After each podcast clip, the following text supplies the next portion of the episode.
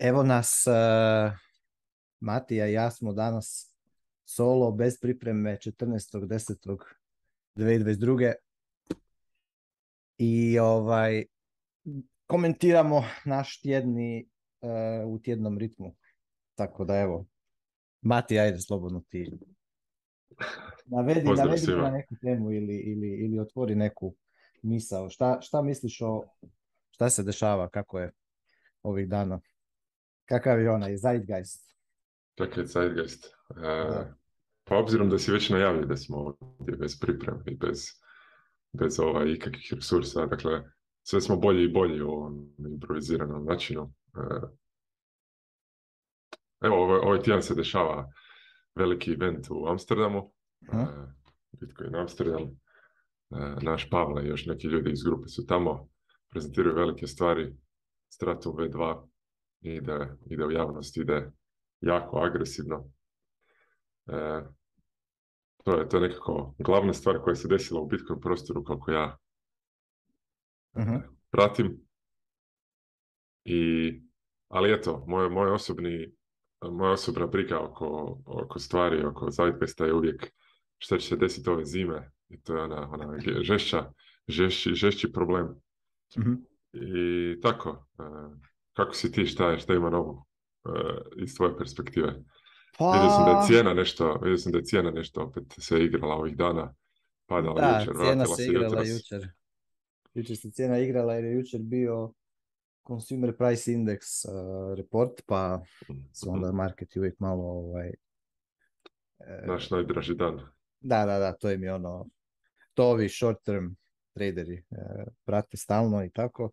A ovo ostalo ništa bio je, evo, jučer smo imali mali meetup tu na Rabu. E, došao je na Rab ovaj Nick, Bitcoin Store, onaj što je mhm. organizirao ovaj, u Kanadi, da. E, tako pa smo da se jučer malo nalazili i sad danas ćemo još e, krenut ćemo u, u raspisivanje na on, on će otvoriti jedan repozitorij na GitHubu i onda ćemo tamo onako u nekakvom open source kolaborativnom uh, smislu probat, uh, probat layoutat ovaj kako, kako živjeti na punom Bitcoin standardu. Znači ovo, maknuti se od fiata skroz i kako raditi zero-based budget, kako, zašto get out of debt, e, kako staviti 10 do 20% giving kategoriju u budžeti, kako su to nekakvi tri stupa za ovaj za ono, maknuti se skroz od Fijata, zato što ono kako god mi okrenemo situaciju eh, i dalje su je velika većina ljudi ovaj eh, pod utjecajem Fijata u većoj ili u manjoj mjeri. A nekako u momentu kad se kompletno Fiat makne iz čovjekovog života, onda, onda eh, kompletno perspektiva se na život promijeni. Onda je to nešto jako korisno za za svih i to ćemo onda probati složiti. I tako. Ono. Dakle, dakle ono o čemu ti pričaš na podcastu već e, neko vrijeme. Da, da, da. Htio sam ti jednu stvar pitat, jedno mhm. mišljenje oko tog e, života na full Bitcoin standardu. Da li misliš da ima ikakve razlike e, ta, takvo prebacivanje na full Bitcoin, to jest ovisi li e, to prebacivanje na full Bitcoin o količini primanja koje čovjek ima na tjednoj, mjesečnoj, godišnjoj bazi. To jest, je li netko koje je na nekakvom minimalcu ili netko koji ima, ajmo reći, koji je dosta imućan, je li, je li stvar ista za oboje ili nije i zašto? Šta ti misliš? A, ista je za oboje. jer ne radi se o tome kolika su e, čovjekova primanja, da li su mu ogromna ili je na minimalcu, nego se radi o tome da su mu primanja u prosjeku veća od rashoda. I to znači da imaš pozitivni savings rate, ne znam kako bi se to prevelo na, hrvatski. Stopa štednje, ne? Stopa štednje, jel? Znači dogod ti, bez obzira kažem, koliko imaš, kolika imaš primanja, dogod je tvoj e, život uređen tako da su ti rashodi manji od tih primanja, za koliko manji, to je sad pitanje, Biće dobro. Ono što full Bitcoin standard e, napravi za, za čovjeka je da mu e, pozitivno utječe na na ovaj na dugoročno podizanje te e, stope štednje, jel? Pogotovo u bear marketu. Znači u bear marketu puni Bitcoin standard ti jednostavno prirodno ono gurate da, da reduciraš, da optimiziraš troškove i da povećaš prihode. Jel?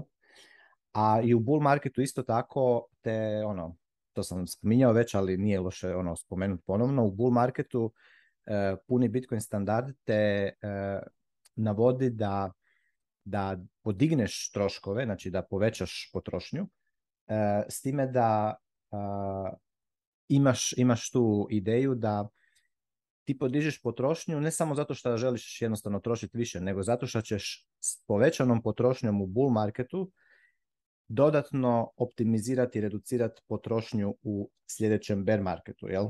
Tako što ćeš platiti za stvari koje inače plaćaš recimo redovito na nekakvoj mjesečnoj ili kvartalnoj bazi, platit ćeš unaprijed. Tako da ćeš reducirati uh, e, ovaj, potrošnju u bear marketu i shodno tome ćeš povećati opet savings rate. Tako da je ovaj, e, tako da bez obzira kažem koliko ko ima primanja ili kolika, koliki mu je ukupni ono net worth, e, uvijek e, je pametna ideja konvertirati sav novac, svu štednju koju imaš u, u Bitcoin.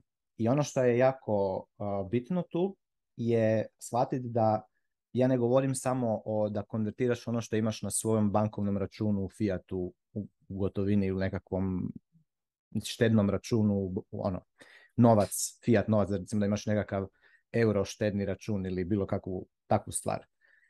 To je jedna, to je jedna forma novca u kojoj ljudi štede, ali ljudi isto tako štede u mirovinskim fondovima, ljudi štede u nekretninama, štede u dionicama, jel?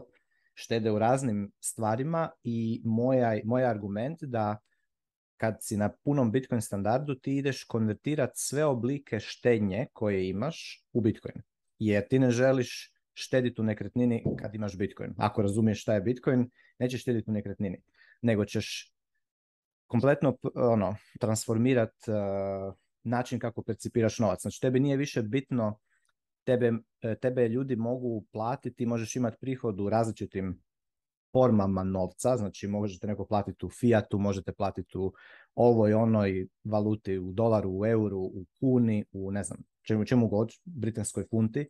Možete isto tako platiti u, čak u nekakvim dobrima i uslugama, evo ti si u Istri, ja sam tu na Rabu, sad je nekako period ono branja maslina, imaš puno mladih ljudi koji beru masline i sad E, možda neko će ono reći, evo, dođi mi dva, tri vikenda ono, pobrat e, maslinik i ja ću ti platiti u, ne znam, maslinovom ulju, to, na primjer, možda. I onda taj neko, to maslinovo ulje može likvidirati e, u, u kune ili u eure i onda opet likvidirati u, u Bitcoin. Znači nije bitno šta, kakav je tvoj prihod, taj trade kojega ti radiš, kojega ti stječeš, znači taj dobra i usluge i novac koji teče prema tebi, bitno je što ćeš ti napraviti s tim novcem kada on dođe u tvoj posjed i onda ga ovaj, poanta je konvertirati ga u Bitcoin i ovaj, uvijek gledati na svijet sa, sa, tog, sa Bitcoin standarda. Jel? Primat Bitcoin i trošit Bitcoin. A, i, i, to, je, to, to, bi svi zapravo vrlo lako mogli napraviti kada bi Bitcoinova aprecijacija kupovne moći bila linearna i stabilna. Na primjer, kad bi Bitcoin svaki mjesec aprecirao, ne znam, 5 ili 10%, ajmo reći, u prosjeku, i tako svaki mjesec, možda neki mjesec ono, 2-3%, neki mjesec, ne znam, 12, 13, 15%, ali uglavnom tako negdje se recimo 7 do 10% mjesečno Bitcoin aprecira, svi bi ljudi ono, bili već na punom Bitcoin standardu, jer bi im bilo puno lakše planirati. Sad, razlog zašto to nije, zašto, zašto Bitcoin, Bitcoin se aprecira tom brzinom, ali ne, ne takvom dinamikom, je, ono, mi imamo ono, velike bull markete gdje u jednoj godini Bitcoin može napumpat 10-15 puta se uvećati u kupovine moći, onda sljedeće godine kreša se, recimo sad smo već ono skoro godinu dana u, u nekakvom bear marketu, jel? I onda ono, čop, ili sideways godinu dvije do sljedećeg halvinga i onda opet ono veliki pump. Razlog zašto je tome tako je, e, je ogromna količina leverage duga u, u sistemu i, i niske, niskog troška zaduživanja u fiat standardu. I ono što ja očekujem, ono, dugoročno je kako se budu ljudi više razduživali, kako budu imali manje kredita i duga, tako će se aprecijacija Bitcoina više, e, reći, ne stabilizirat nego više onako smooth outat. Znači, umjesto da imaš ono ekstremne pampove i velike dampove, imat ćeš nekako stabilnu, polaganu aprecijaciju koja će svima biti lijepa, ugodna i tako dalje. Do tad, ono, neko bitcoiner koji želi otići na full bitcoin standard, po meni ipak mora naučiti e, zero-based budgeting, što nije toliko komplicirano, ali opet to treba raditi, prakticirati.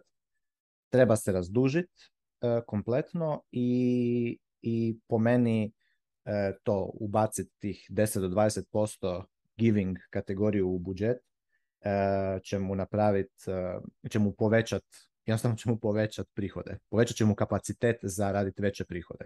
Tako da to je ovaj to su neke formule koje ono u koje ću ići u dubinu ono kad budemo išli raspisivati taj šta eh, će to već biti nekakav open source kao repozitorij mhm. ono alata. I da, i ono, duboka je to tema. Ali evo, recimo, ne znam, na primjer, u praksi jučer, evo, jučer je bio taj, da se stavimo nazad u kontekst što se događa, jučer je bio Consumer Price Index, ono, report, i opet je Consumer Price CPI u Americi je došao 8, nešto, ja mislim da je bio nije, nije pao drastično, jel? I sad u tih, to je popodne bilo, ja nisam ni vidio ono taj live price action, ali i sam radio nešto drugo, ali jednostavno eh, ono, Bitcoin je u jednom trenutku dipao dolje sa ne znam 19,5, koliko je već bio tisuća dolara na 18 i ne znam, 100, 200, ja mislim da je bio taj week, ono, kad gledaš u par sati. I sad, eh, čuj, puno ljudi je ono, ajme meni panika, joj meni ono beriš, idemo još, pas ćemo još dolje i ono čekamo znaš, da, da, da ono scoop up uh, cheap bitcoin, bla bla bla. Ali ovaj, poanta je da se, da se price reboundao natrag i da, i da nema više, mislim sad je velika većina ljudi je ono beriš, jedno, to je, I to je ono što je peril, što je recimo ne, opasnost eh, držanja fijata, je što ti što tebi se ti nužno pokušavaš tajmirat market uvijek. Bilo da radiš dollar cost averaging, i čak i kad radiš dollar cost averaging, ti na neki način, to, to je nekakav ono, način kako hendlaš volatilnost, jer nemaš drugi bolji način za hendlat volatilnost, pa onda jednostavno ono, držiš određenu količinu novca u, u, fiatu i ovo ostalo šta recimo ne moraš dirati sljedećih 4-5 godina, to to svaki mjesec konvertiraš u Bitcoin kao automatski, ali opet ti je, opet, opet je tu problem jer ti ostane taj lingering, e, znači sad recimo neko, neko bi možda, ne neko, ja znam puno situacija gdje su ljudi usporili ratu dolar cost averaginga sad, jer očekuju da će Bitcoin past više pa da će onda pokupiti više Bitcoina, jel?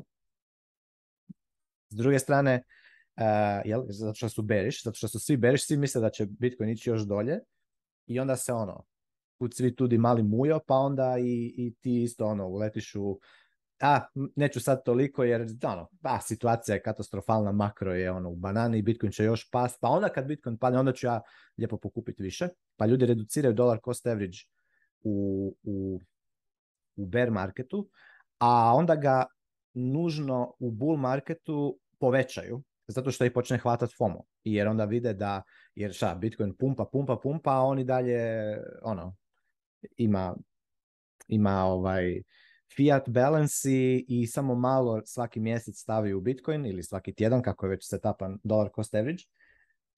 A onda ti jednostavno ono, vučete da staviš više, jer imaš osjećaj da će otići gore, su svi bullish, hype je i tako dalje. I onda ono što najčešće ljudi naprave je da počnu, inkrisaju svoj buy, jel, povećavaju alokaciju e, u, u, u bull marketu, e, a upravo to što rade je, je zapravo trebali bi raditi obrnuto. znači u, bear marketu bi idealno trebali povećati alokaciju dolar cost average u Bitcoin, jel tako? A u bear marketu bi je trebali reducirati. Samo što to radi jako, jako mali postotak e, jako dobrih tradera i da su uspješni u tome na konzistentnoj bazi, ali opet po meni e, jako, jako teško je e, biti uspješan u konzistentnoj bazi zato što, zato što Bitcoin hype e, te može toliko ponijeti da ono, da jednostavno ne možeš. Recimo da sada Bitcoin, je zamisliti da sada Bitcoin sljedećih šest mjeseci ode i, i probije all time high i ode preko 100.000 dolara po Bitcoinu. Što je, nije nemoguće. Znači nije nemoguće da se to dogodi a, naravno, velika većina ljudi to sada ne, ne, očekuje. Svi, bit, mislim, većina bitcoinera je ono, sad trenutno malo ono, beriš ili definitivno ne idu all in sad. A sad je, ajmo reći, to vrijeme kad bi to tako trebali raditi.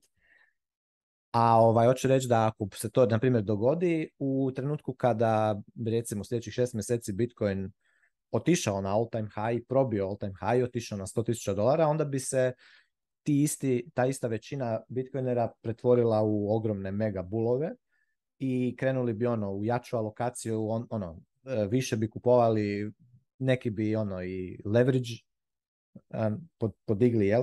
Dobra stvar je u ovom trenutku ovaj makro koliko god je loš s jedne strane što se ono deleveraging događa, po meni je dobra stvar to što se podiže cijena zaduživanja, tako da mislim da u sljedećem bull marketu će u relativnom pogledu biti manje tog ultra spekulativnog e, novca koji je full jeftino ovaj, zadužen, tako da će možda biti e, ne, neće možda biti toliko jak e, taj blow off top, ali opet to se, to, te, sve je to teško predvidit.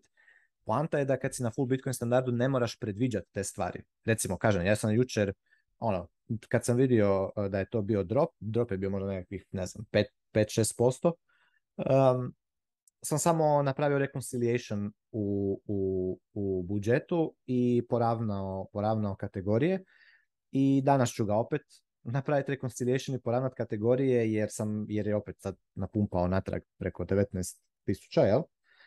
I to ti je to, to je ono, zero-based budgeting te uvijek vrati natrag na, na, na, tvoju, na, na tvoj level, da onaj novac koji imaš, on je sav alociran, sav je namijenjen u različite kategorije, ti znaš točno šta je tvoj, koji su tvoji prihodi, koji su ti rashodi i to što je Bitcoin 20.000 dolara ili je 60.000 dolara za tebe zapravo ne znači ništa jer ti na recimo, ti na 60.000 dolara i dalje imaš iste prihode u kupovnoj, u smislu kupovne moći, bilo kako je ono, da li je mjeriš u dolarima, eurima, hrvatskim kunama, bitcoin, čemu god, kupovna moć ti je na 60.000 dolara bitcoinu ista i pro, rashodi su ti isto tu negdje. Znači tvoj savings rate na 60.000 dolara je ista u, u, umjerenu sa tošima kao i na 20.000 dolara. To što ti imaš sada recimo tri puta više nominalno bitcoina u, u, prihodu, ako imaš istu, recimo da imaš istu, istu plaću,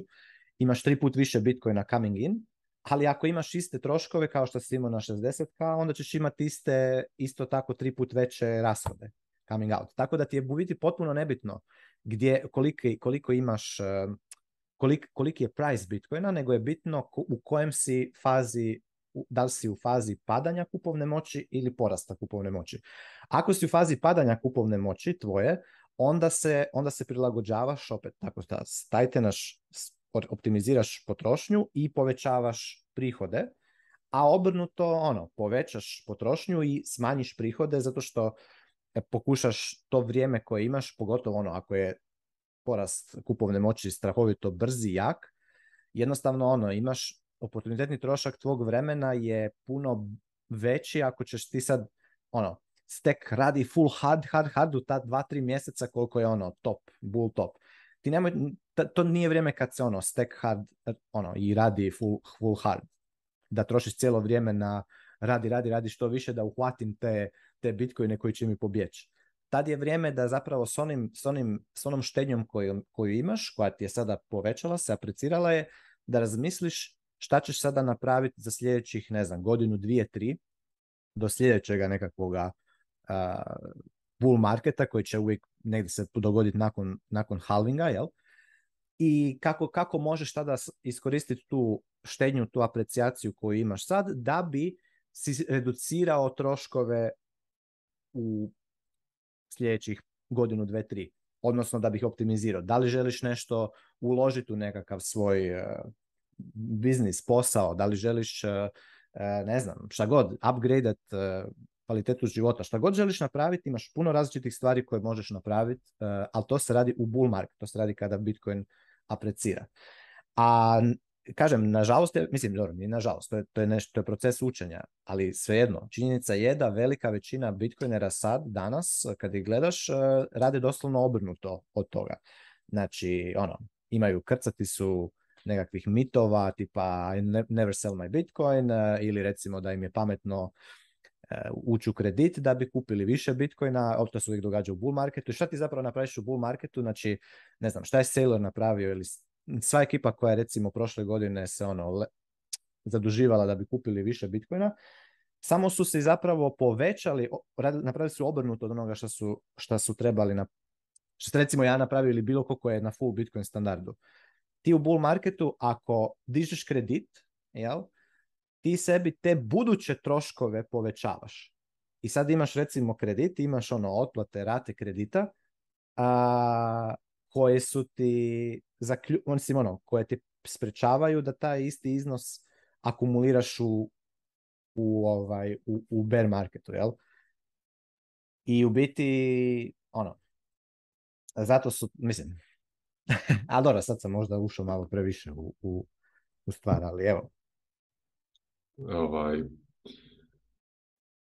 kako, ako dobro shvaćam, recimo da bi se sve to sumiralo u nekakve tri velike praktične, praktične tri velika praktična poglavlja, mhm. plus vjerojatno bi valjalo tu dodati još nešto i oko neke komentare oko psihologije. Da, da, jer, Jer, jer glavna stvar koju ljudi bi imali, e, na primjer ti vi govoriš jedna stvar što kažeš razduživanje i sasvim jasno je razduživanje Znači da si onda možeš poravnati taj pogled na novac u bear marketu i bull marketu, a kada si zadužen je obrnuto od ono kako bi trebao biti, to je ono čemu se govori taj low time preference i sa, sa razduživanjem, onda ti možeš raditi to što kažeš, stekati u, u bear marketu, potrošiti u bull marketu novac, da li na svoje uživanje ili ulažeš za sljedeći bear market da bude jeftinije, ali to ne možeš raditi kad si zadužen jer je sve naopako.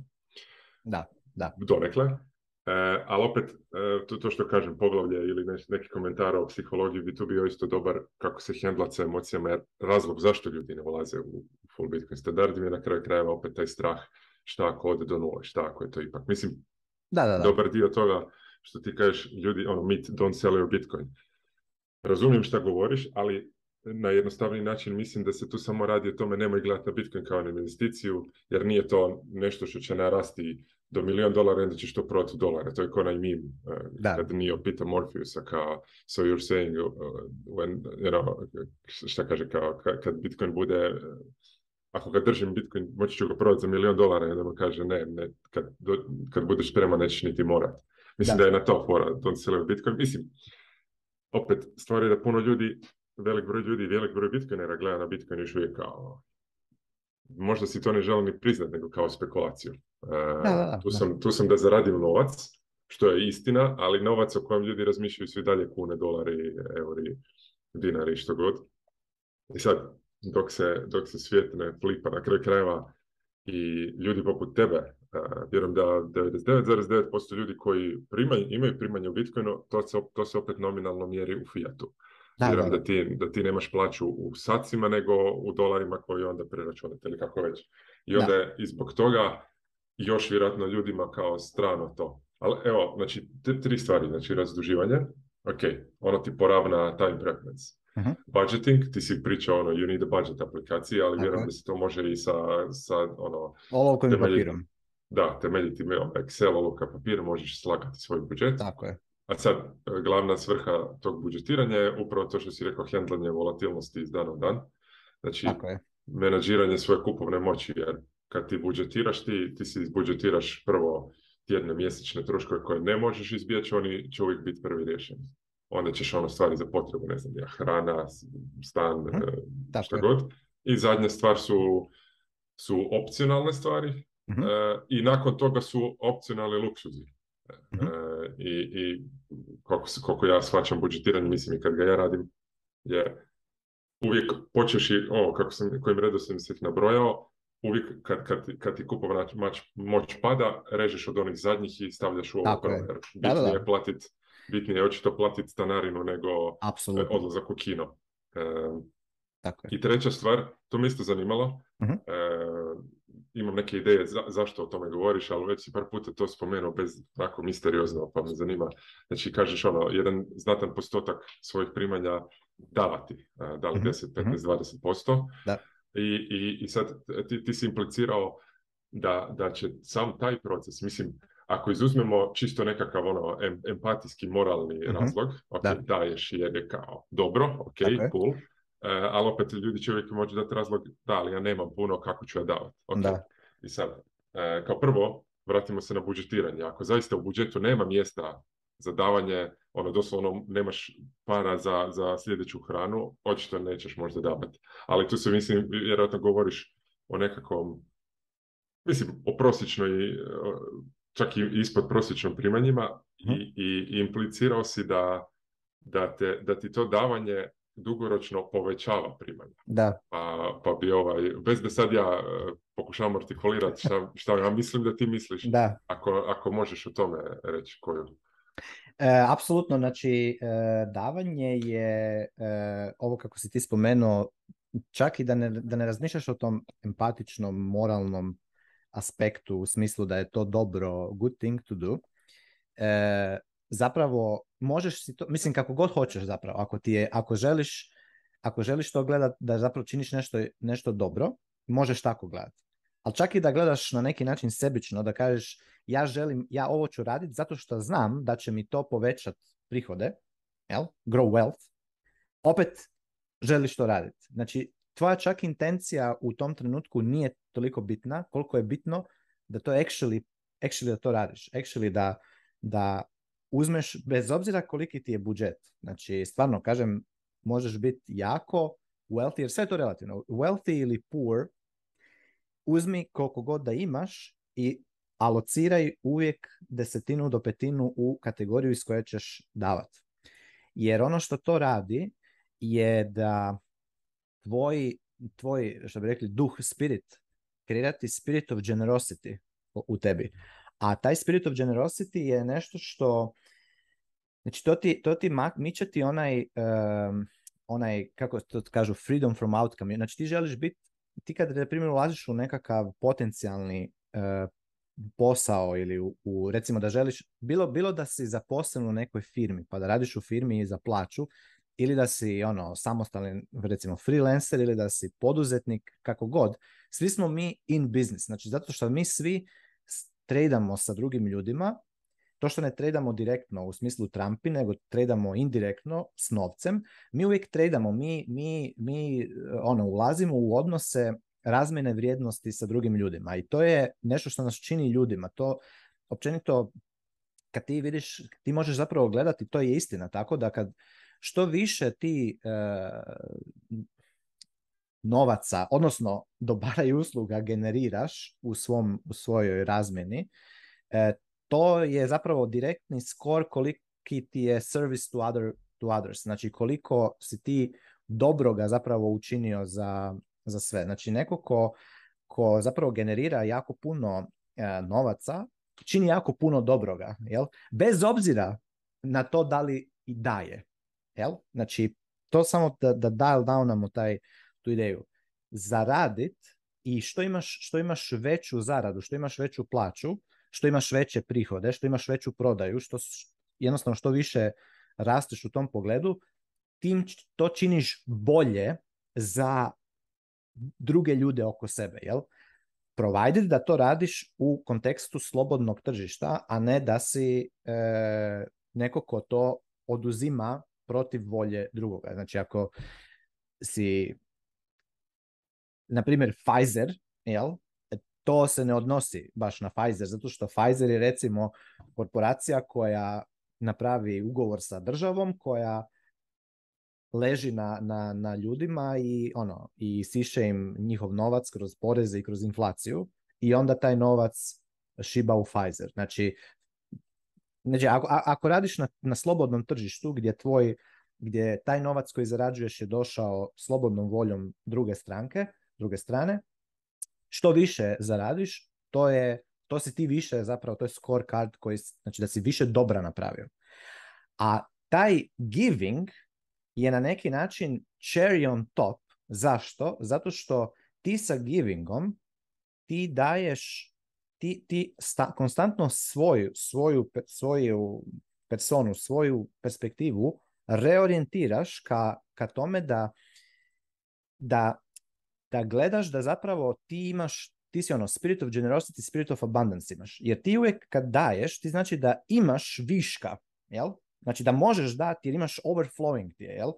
Dok ako, ako ne daješ, bez obzira kolike, kolike prihode generiraš, tendira ćeš gledat na ljude koji generiraju još više i onda ćeš se uspoređivati s njima i onda ćeš uvijek imati osjećaj da ipak je to, ipak ti, ti si onako u poor poor mentality imaš, odnosno ne, imaš manje nego neko drugi. A ovo tu te uvijek stavlja u taj abundance. I taj abundance ti generira prilike da još više povećaš prihode, jer ljudi su puno više likely ući u, poslovni odnos sa nekim ko je ono, aband, znači koji je free from outcome, hoćemo napraviti deal ili ne, nema problema, ono, bit, bit će super ako i napravimo, bit će super ako ne napravimo, jer ono, nemam, ja nemam šta za izgubiti ako ulazim u taj deal. I, i, onda je puno više likely da ćeš ući. Dok s druge strane, ako ti obrnuta, obrnuta situacija je kada je neko um, desperate, znači kad je očajan, recimo da je full zadužen i ono i, i klinga na, mora napraviti sad taj, taj posao se mora dogoditi jer inače ako se ne dogodi ono on će izgubiti sve što ima. Kada imaš, kada imaš posla sa nekim koji je očajan, u tom, u tom smislu, to se osjeti onako na suptilnoj jednoj ono, duhovnoj razini, tebi onda, ti ako onda odbiješ ući uću u posao sa takvom osobom, osjećat ćeš guilt, osjećat ćeš e, krivnju, jel? Ajme, meni nisam ono, ušao u tim posao, ono, možda će čovjek propast zato što zbog mene nisam.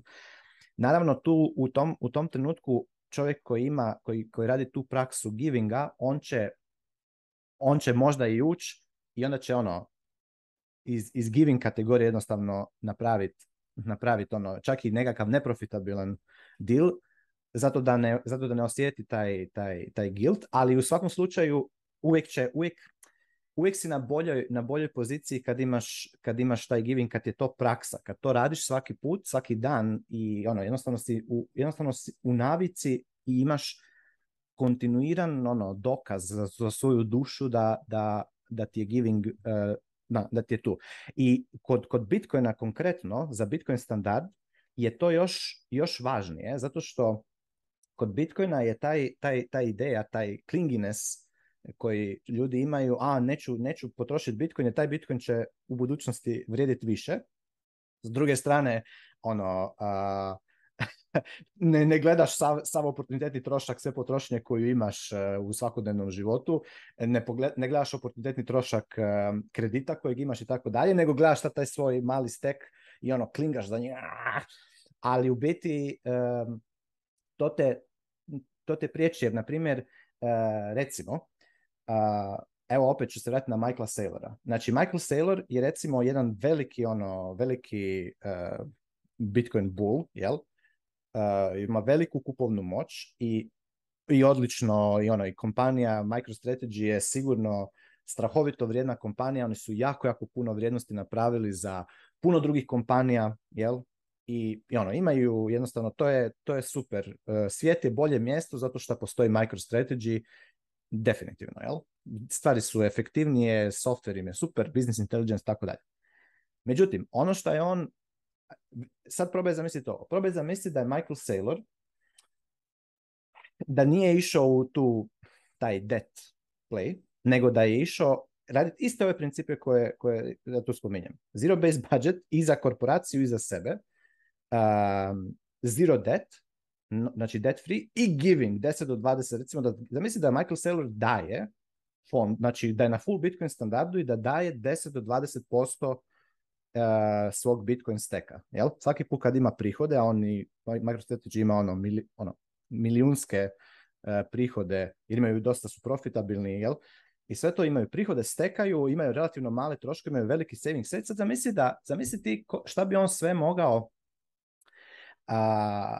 koliko bi on sa toši, evo sad je bio, neki dan je ono rekao, e, kad je ovaj Eric Wall, onaj Bozo, kad je ono kao je Michael Saylor napravio tri lightning transakcije u životu, nije sigurno, bla, bla, bla. I onda je Michael Saylor rekao, ok, daću milion satošija uh, mim za, za ono, tri četiri mima, jel? Četiri miliona satošija, znači šta, 250, oko tisuću dolara.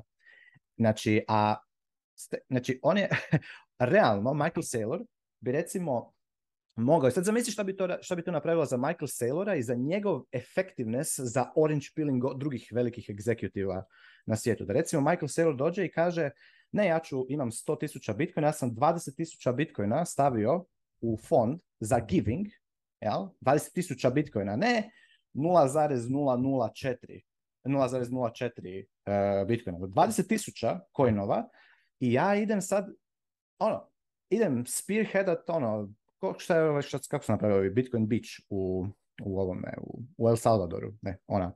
Znači to je počelo sidanjem nekakvog ono, daš ono klincima da nešto rade, plaćaš ih u satošima, da rade šta? Šta god hoćeš, znači imaš, imaš posla koliko hoćeš. Barem su te recimo stvari, možeš početi od jednostavno ono, čišćenja ulica komunalnih, jer je ovako onako svaka, svaka ta komunalna je ono državno subvencionirana, mafija se stvori uvijek i uvijek su ulice su prljave i, i, i, i kenj. Zašto ne biš počeo sa tim? Sad sam misli da Michael Saylor recimo tako nešto radi, kakav bi njegov spirit bio, kakav bi njegov conviction bio i šta bi on recimo, kako bi on izgledao kada sjedne sa nekim ono drugim egzekutivom i ono krene mu taj krene mu to pušati, krene mu pokazivati, ono, spirit kako, kako bi njemu rastao Zato ja mislim da je taj, taj giving je ono, po meni je on stup. Znači stup je, jednako kao što je stup zero based budgeting, zero debt, giving je isto tako stup zato što ti on poveća inkrisati ti taj spirit of generosity, ali ti on direktno povećava prihod. Recimo, MicroStrategy bi sada bio veća jača kompanija da, da imaju to, tu praksu nego, nego, nego, što, nego što jesu a sve sva, znači istu stvar rade, isti su ljudi koji rade tamo, istu tehnologiju, znači nije, da, oni, da nešto suštinski mijenjaju u, znači zato se to odnosi na sve, bez obzira šta radiš, možeš raditi, e, biti, e, ne znam, pekar ili, ne znam, vozač ili, ili programer, nebitno je šta radiš, bitno je da kako, kako upravljaš sa, sa, sa novcem, jel? A ono što si spomenuo da se ljudi dalje e, mjere u, u Fiatu, normalno da mjere u Fiatu, ja obračunavam u hrvatskim kunama, zato što mi, mi živimo tu, nama je najlakše kad, ti, kad imaš 99,9% ljudi oko sebe koji prodaju svoje dobra i usluge u, kunama, ti ćeš razmišljati u kunama. Ali evo recimo Pavle je sad u Amsterdamu, ali na primjer u Srbiji, uh, u, mi recimo nemamo accounting u srpskom dinaru. Ja sam neki dan gledao, neko je spominjao koliko košta dinara nešto, meni je to potpuno, ja nemam pojma koliko je to ono, mislim morao bi ići preračunat. Ali ljudi koji žive u Srbiji lokalno akauntaju i mjere kupovnu moću, najlakše mjere u, u, u dinarima. I tako je u svakoj, znači ono, u Indiji ljudi mjere kupovnu moć u indijskim rupijima. Znači, i to je normalno tako, da će normalno tako biti, jer ti je lakše. Znači, nije bitno u čemu ti mjeriš, akauntaš kupovnu moć. Nego je bitno kako, znači, bitno je šta ti sa tom kupovnom moći, kamo ti nju držiš, kako ti nju, u čemu je štediš. Zato isto recimo nije bitno, e, ne znam, da evo, na nekakvoj makro razini, a kažu ovi, e, vidiš, sad će Saudijska Arabija i ovi, oni će prodavati naftu za kineski e, juan, a ne za, za američki dolar i to će uništiti dolar i dolar će bla bla bla. Neće bozo, znači nije bitno u čemu se radi trade, bitno je u šta kad se taj trade napravi, u šta, u, u šta taj novac ide. Jer opet, ne trebamo zaboraviti da bilo šta se može koristiti kao novac. Znači ako ti ono imaš prihode, pogledaj recimo u turističkim mjestima, ljudi imaju prihode, prihode, kupovnu moć, dobivaju i, ono primaju i eure i kune i ko zna i dolare i sve to, u šta onda konvertiraju taj, e, taj novac u toj formi, konvertiraju u formu nekretnina, znači štede u nekretninama. Kroz na otocima, na, na tu recimo kod nas, štede u nekretninama.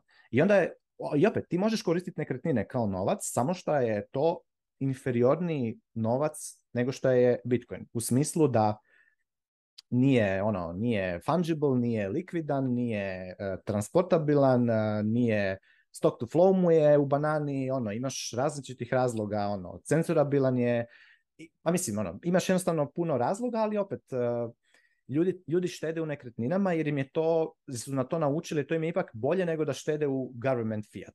E, a ja samo kažem, znači ako razumiješ šta je Bitcoin, kreni na full Bitcoin standard, a da bi, ono, što znači da kompletnu svoju štednju, ono, konvertiraš u Bitcoin, a to je u praksi, trebaš, kažem, zero-based budgeting, get out of debt i, i napravi giving kategoriju i bit ćeš, ono, biće, biće dobro. radili nas su sad... Ajmo, ajmo nazad na, na vijesti. Evo, taman je, taman Pablo uspio podesiti svjetlo dobro da bude. Ovaj, sad se trudi oko Pavle, kako je u, Amsterdamu? Šta ima? Da, reci nam nešto live. Report. Da, momci. Ovaj, pa dobro je, nije loše. Riga je bila bolja. Više je bilo ovaj, bildera. Ovdje je više onako ne znam kako me čujete, malo bučno ovdje, ako bude bučno mahnite pa ću se mutirati. Ovaj, dobro je, fina veća konferencija dosta, kažu da ima oko 3-4 hiljade ljudi, to baš nisam siguran. E, stageovi su isto ogromni, e, dosta nekih spikera koje ja ne znam, nekih političara, e, tako da je mislim da je najbitnije da je dosta loše vreme ovih dva dana, tako da nismo baš nešto imali sreće, kišovito je, nije, nije nešto na što sam ja navikao, tako da... Uh, osim toga, nisam nešto baš ovaj gledao panele, prezentacije i to, to ću naknadno. Tako da, ovaj, bilo je tu nekih dosta dobrih demo i tako nekih stvari, ali mm mislim da je ipak Riga bila veće hardcore Bitcoin mhm. konferencija nego mada i ovdje je stvarno organizacija dobra ovaj, stage-ovi su stvarno fenomenalni, ono, live prenos isto imate, ne znam to da li, ste, vidjeli, tako da, ovaj, eto, to je to neki samari za sada. Ja sam jučer imao neki workshop, to je više bila prezentacija od sad vremena, pa je malo bilo naporno, to ovaj, ne znam da li to live, da snimali to, ali mislim da još uvijek nisu, nisu slali ništa na, YouTube, nisam siguran o btcp Tako da bi imao dosta side eventova sa strane. Ljudi su se organizovali sada posebno nešto, ovaj, a, ne znam, ima nekih podcastera koji su specijalno meetup, jučer bio neki minor meetup, tako da ima dosta nekih onako, događaja sa strane gde možete da uđete, da, da idete, da se družite, tako da meni se sviđa, ok, zanimljivo. Ovdje sam još dva dana valjda ili tako nešto do vikenda nisam siguran pa ćemo vidjeti šta ćemo dalje onda se vraćam kući nakon da malo više radim i malo više dobaram pošto je sad ovdje baš naporno Vidio sam da je ovaj e, mediji su ona velika objava Stratum V2 e, veliki trenutak je CNBC je pisao o tome to je onako e, za, mainstream Fiat velika stvar da, ovaj, pa bilo interesantno da su oni bili mediji koji su prvi to pustili tu vest, pošto smo mi preko, pošto to ovaj, udruženje više različitih firmi koje radi na protokolu, da pa smo zajedno nas skupili te kontakte iz medija i onda je bilo pušteno na par nekih većih medija, ali su oni bili prvi koji su kao pustili izvrste o tome. Tako da da, krenuli smo, objavili smo tu prvu našu MVP stratuma koji će minerima koji imaju firmware na SE1 dozvoliti da koriste SE2, znači preko neš, nečega što se zove translation proxy, gde možete uključiti svog minera i onda će on, ja ne znam ako vi čujete ovo što zove buke ovde, uh, gde će on dati minerima mogućnost da, da eto, ranuju uh, fc 2 i da dobiju te sigurnosne upgrade-ove. Uh, pričao sam ovde sa dosta minera, isto dosta njih su onako baš sretni što, što napokon nečeg ima u tome, dosta njih ne zna ni šta je stratom, dosta njih nemaju pojma ni koji protokol koriste, tako da ovaj, različite vrste minera, veće kompanije uglavnom znaju e, o čemu se radi i zašto im je to bitno, manji mineri baš ne znam koliko su upućeni u to, ali vidjet ću. Nadam se da će sada sledeći nedje biti još većih vesti u vezi s stratom, eto mali teaser, pa doći će još veći adoption, recimo, da tako neka bude. E, jako za sada može da se instalira na, na bilo koji miner e, taj software, firmware, kako god se zove, kako... E? Pa vidi, ti sad imaš običnog minera koji ima normalan firmware na, koji radi na tom stratum verzije 1 protokolu i imaš nešto što se zove translation proxy. To onda na tom svom networku gdje su ti mineri možeš da instaliraš i onda ti on prevede sve te, bukvalno radi taj translation, taj je poruke koje mineri šalju, on ih prevodi na SP2 i onda to šalje mining pool koji prihvata SP2, što je trenutno Brain jedini, ali bit će uskoro možda još neki. zanimljivo, okay. Nisam znao tačno kako to radi, ali se da treba tu neki proxy da, da, da bukvalno prevede tu informaciju u stratum V2 da, nije, nije potrebno, nije, nije, potrebno, moguće je, znači ti možeš da imaš i SP2 firmware ako hoćeš, ali je bolje, bolje za normalne minere da sad, pošto su oni uvijek oprezni kada, kada je reč o upgrade-u uvijek je opreznost na, na, nivou, na visokom nivou, tako da ovaj, dobro je da što se minera tiče, oni ne moraju ništa tu posebno nešto da rade da bi dobili taj upgrade. A pa ako naravno upgrade firmware tu onda već ima malo više, više još nekih stvari koji će njima značiti u optimizaciju uglavnom. Ali ova, ova konfiguracija im omogućava da iskoriste znači sigurnost, najviše aspekt zato što su konekcije napokon enkriptovane onda i nešto malo optimizacije. Ima i website stratumprotocol.org, pa eto ko hoće neka baci pogled. Nije još uvek to idealno pojašnjeno sve, ali ima to različitih konfiguracija kako to sada može, Ovdje su sada krenuli, ne znam, usisivači oko mene, tako da ne znam da li uopšte čujete. Čujemo, čujemo. Mislim, imao malo ruke, ali čuje se. Znači, sad tražite te proksije i pulove da, da, da bukvalno testiraju ovaj, ovaj novi software i vidjet ćemo kako što ići sve. Mm, da. Nadam se da neko, ima nekoga tamo koji da, trenutno nam znači ovaj. trebaju tim mineri koji će probati da probaju ta naš translation proxy i da vide šta će ovaj biti, da, nam prijave sve bagove i šta ne radi, verovatno, pošto je ovo MVP rani e, jedan i onda ćemo za par nedlja pustiti tu bitniju verziju koja će imati nešto što se zove Job Negotiation protokol. To je protokol koji omogućava minerima da pregovaraju kao nego, ono, negotiation, znači pregovaranje između pula i minera o tome koje bi transakcije mogle ući u, u naredni blok. Tako da je to, to je ono najbitnije stvar za, za nas, generalno kao korisnike, verovatno da će to znači e, veću decentralizaciju mreže samo po sebi, ali trenutno, to smo već pričao par puta, ovaj, trenutno su mining poolovi ti koji biraju transakcije i tako da ako neko njih, na primjer OFAC, hoće da ih cenzuriše, onda je to mnogo lakše zato što imate jednu ono, single point na koju možete da napadnete, a kada to rade mineri onda se ta odgovornost eh, ono, disperzira na milion minera, tako da je to bolje. Sad, da li će mineri to koristiti, ne znam, ali za njih je najbitniji taj sigurnosni upgrade, da više niko ne može man in the middle attack, da, da, im, da im, pre, da im ono, pretresne tu konekciju i, i da im krade hash rate, to je njima isto dosta bitno. Ja a ovo ostalo će doći. Znači, nije, ni, protokol je dosta fleksibilan, možete različite konfiguracije i na njima je da što hoće. Bitno je da uvek ima opcija za minere. I da, ovaj, nadam se da će svi naravno koristiti pun protokol, to ćemo vidjeti, ima vremena za to. Još uvijek ga nismo razvili. Bitna stvar je da smo mi ono, ima više implementacija stratno V2 protokola, znači jedno radi Brains, ono je closed source uglavnom, mi smo reference implementacija, znači kompletno open source implementacije koje će služiti i ostalim budućim možda implementacijama da znaju da su kompatibilni sa protokolom. Znači moći se završiti testiranje sa našom, makar da znaju, jer mislim da je kompatibilnost između različitih implementacija jako bitna. Mislim, imamo i Lightning Network, zamislite sad o Lightning Networku kada ne bi mogli da nodovi e, da, da komuniciraju zajedno uopšte i da tu postoje ono, problem sa kompatibilnošću, tako da eto to je neki samari, sad znam da rentujem, ajde ako ima nekih konkretnih pitanja pucajte, to se dosta ovdje bučno. Pa ne bih rekao da rentaš, to, to smo te pitali, to su zanimljive nove vijesti sa, sa, sa, sa Amsterdamskih i super će biti što kažeš sljedeći tjedan će biti još nekih revealova.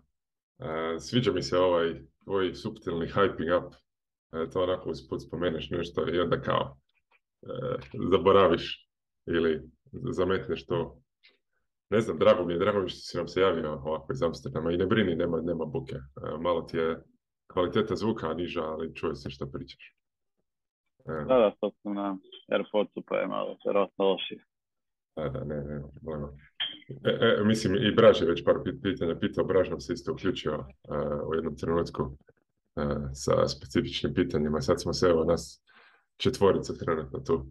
E, Pavo i ja smo ovaj, se dali u, u neke e, već poznate razgovore o Bitcoin standardu, e, pa evo mali intermezzo, e, review što se dešava u, u Amsterdamu i to, to je super stvar. Tako. Da, ja samo jedna bitna... Razgovor, ja sam samo da kažem... O, izvini, braš. Izgleda da sam Slobodno, Pavle, reći. Ne, ne, ne, samo sam htio da ubacim, slušao sam poneke one razgovore koje su imali, ima neke ono više, uh, kako bih rekao, za, za možda više običnije ljude, ali ono, za sad što sam vidio izgleda da su lepo sredili taj uh, event tamo i meni ono dobro izgleda sve, sigurno ću nešto tu malo da pogledam na, na, na YouTube-u, šta stigne, šta, šta valja i jedina stvar što mi je bila ono zanimljiva ona kad, kad prekinu između ove razgovore prebace na onaj, e, tu ima neka trojica, dvojica, ono, pričaju, rekli su baš da su ono, spustili temperaturu tamo u, u, u, u tom prostoru da bude na 19 ili manje na 19 sad svi nose jakne zato kao malo hladnije, ali eto jedan efekt od e, e, energetske polise u, u Evropi. Je li to tačno ili nije u stvari? kakva je temperatura tamo? Jeste malo hladnije stvarno, ovaj, ali ovaj, pošto sam speaker, onda je nama piće neograničeno, tako da možeš da se greš Jel dan. Da, da, energetska kriza. Ja sam odlučio na maksimalno upaliti sve peći i klime, sve uređaje konstantno blastati. I gdje god idem ovaj, nagovarati ljude da to blastaju, e, ono, trgovine, nagovaram, de, gledam, nagarite klimu do kraja, ako neki inspektor dođe... I otvorite prozore i sve. Da, da, da. Da se prozračuje. znači, ono, eh, ako je ikako moguće srušiti grid, eh, to trebamo napraviti. Eh, tako da, to, je, moj, komentar na to. Čak, i ne, iz onog argumenta kojeg Pavel voli kako je CO2 hrani biljke, ne, nego je ovo čisto samo prkos tim šupcima, ništa drugo. Dobro, dobro je. Hranit biljke iz prkos. da, da. Jeste, jeste pričali uopšte o ovome BIP 324?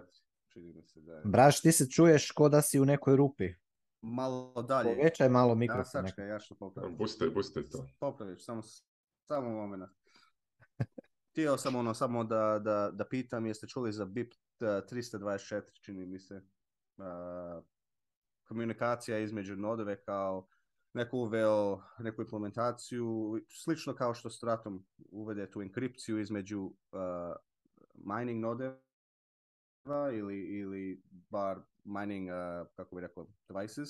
Uh, u ovoj situaciji je između nodova kao ne znam već koliko godina to je bila ono otvorena plain text komunikacija, ali za par ljudi su nešto izbacili zadnjih nedlju dana za novi BIP koji će da promijeni to da bude enkriptovana uh, bukvalna komunikacija između tih nodova I to je jedan ono dodatni nivo privatnosti. Ne znam jeste pričali o tome ili uh, Pavle ako imaš neki komentar, meni, meni to nekako podsjeća su na stratum u, neki način, ali mislim da su to oba dvije odlične stvari. Ono, drago mi je da vidim da, da, to je oba dva ta software ono, napredka su, su izašli.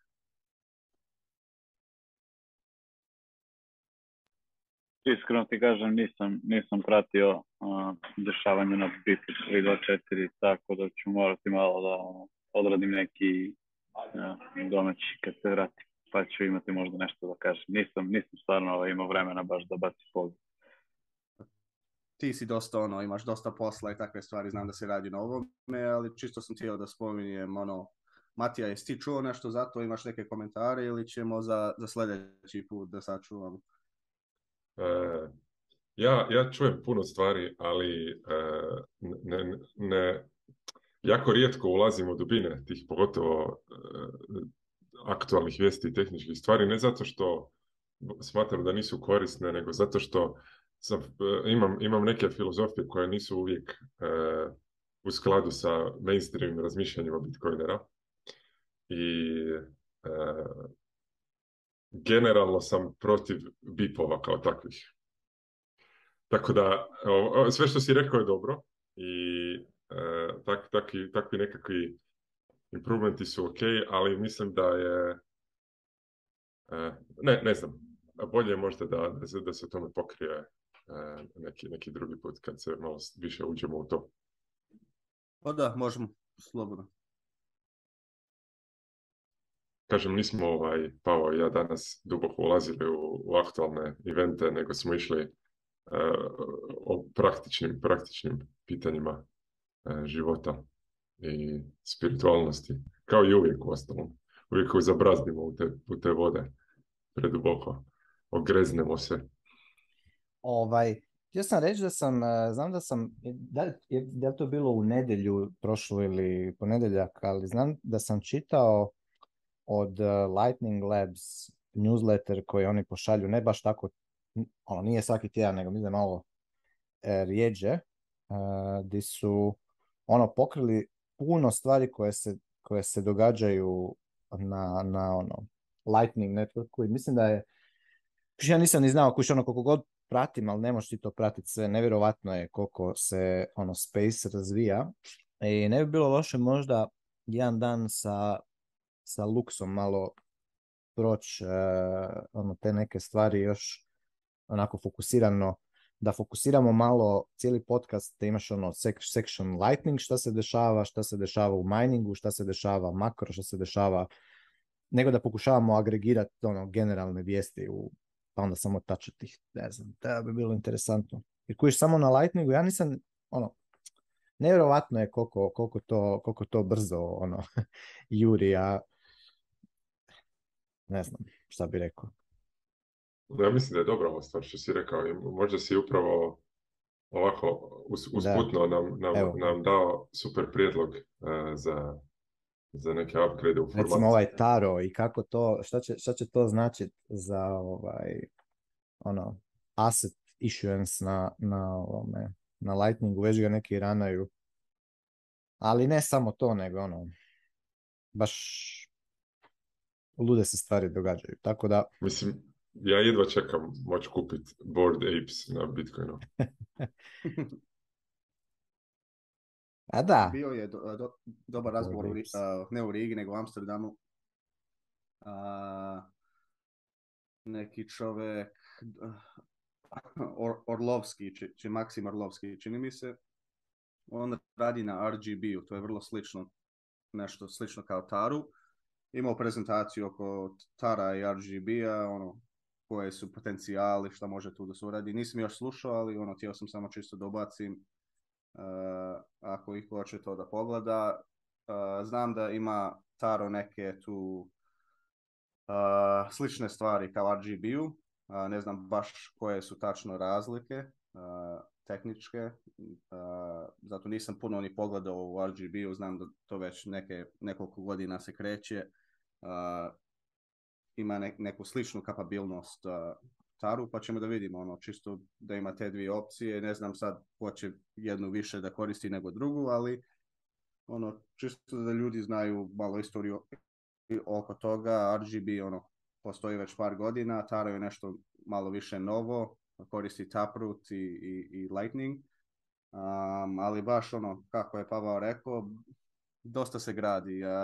ono, ti si rekao pročitao si ono jednu vest i, iznenadio si se ono na, na, na svema, svemu, svemu što se radi. Znači da ima dosta, dosta tu što se dešava. Mislim da je dobra ideja možda da ono odvojimo kao neke dijelove da radimo mining, lightning i, i, i kao taj glavni lanac. Mislim da su to dobre ideje. Um, ne znam jeste vi momci nešto pročitali više o, o, o Taru. Ja znam jedna kapabilnost je sigurno ono neke asete da se stavi slično kao što je Matija rekao, te NFT-ove, možda može nešto slično kao na Liquidu gdje drže dionice ili neki equity E, u, u, u tim tokenima. Ima potencijal isto nešto e, kao stable coinove koje se e, zakačene za tu za američki dolar ili za neku drugu vrednost. Mislim da ima kapabilnost za to isto da se uradi na Lightning. Ja ne znam ako vi hoćete nešto tu da komentarišete. Ja, ja baš ono, meni su zanimljive taj stable coin, valjda najviše oko toga, ne znam jel me zanimate equity eh, tokene, takve stvari koje mogu da se rade na Bitcoin toliko, ali ono ipak da može, ako može onda što da ne.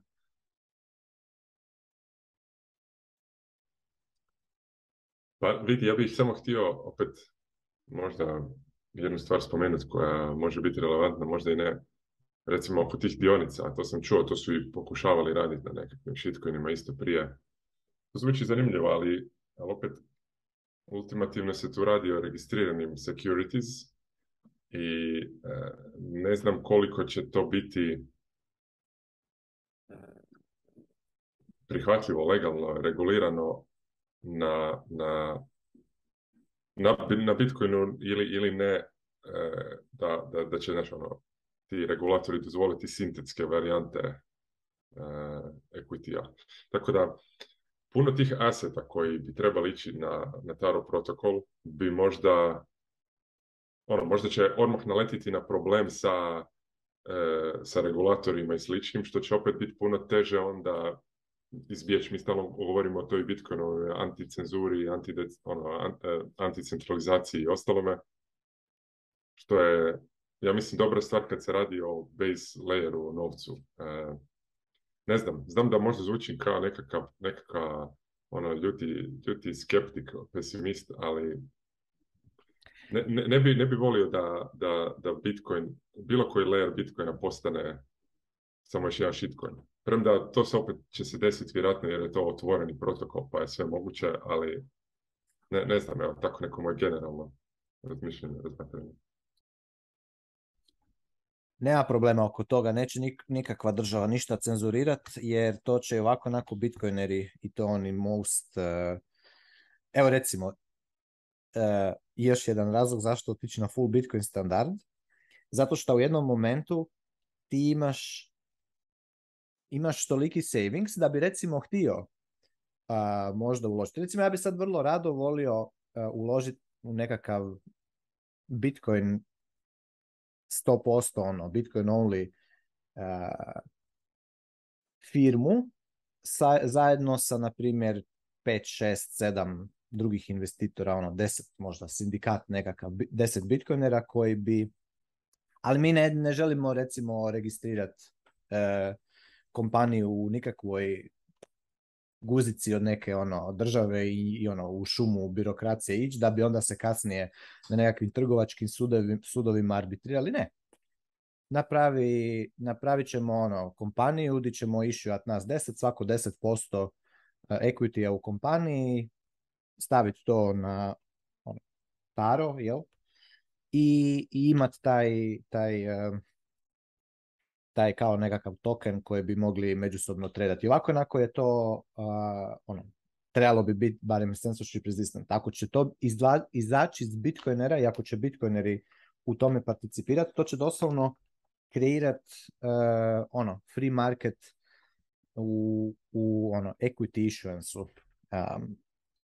tako da ne vidim da se to može cenzurirati, ali ovaj ali još je rano za to, jer mislim da nije još niti protokol ono, spreman, tek je nekakvoj alfa ja. i tu treba još sve ide svojim, svojim tijekom, ono, ajmo prvo ajmo prvo hiperbitcoinizirati bitcoinere, pa, pa kad budu imali potrebu, kad dođu u jednom trenutku na ono, na, u stanje da, da imaju toliko, toliko su komfortabili, toliko imaju štednje i toliko se ne boje i toliko su optimistični za budućnost da bi htjeli riskirati jedan dio um, Satoshija u, u, u venture, recimo ja bih htio, a, um, pa da se to ono, ali bez, kažem, bez uh, ono, guzice ono, od državnih birokracija, Taro će biti tu, tako da.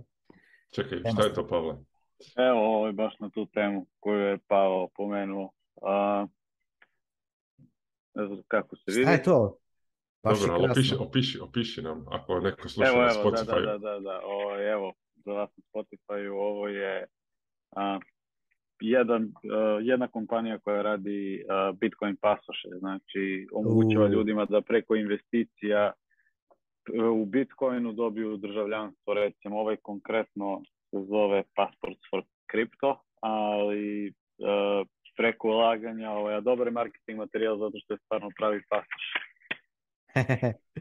I onda tu opisuje baš kao nivo investicije i kako ljudi mogu dobiti pasoš. E, konkretno je ovo, ja mislim, Kittens se zove ovaj, ovaj deo, ali je baš zanimljivo. Ovaj, tako, bilo je dosta priča o tom, ima dve kompanije koje to već rade, ono, ljudima da, da dobiju ta stacking passport, tako nešto. Tako da, ovaj, ovo je recimo ideja za pas, ovo kako su napravili passport for, bit, for crypto, passport for, for bitcoin, samo taj pasoš treba biti ono u lijepoj ono koži izvana, pergameni iznutra, onako ručno lijepo ispisan sa zlatnom e, onako fino, tako da sam taj da bude onako heft jedan, tako da možemo takve stvari. To, evo recimo, neko ko želi to napraviti, ja bi vrlo rado sa još x brojem bitcoinera ono stavio uh, nekakav dio Satoshi u to, stavio taj asset, taj, taj kao equity na, na taro i onda to može, ako negdje u budućnosti to full lijepo raste i prodaje te pasporte,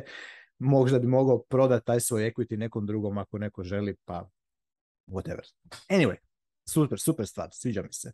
Zato su dobro vidiš ove konferencije, što vidiš malo stvari kako, kako se, ovaj, šta, šta se radi.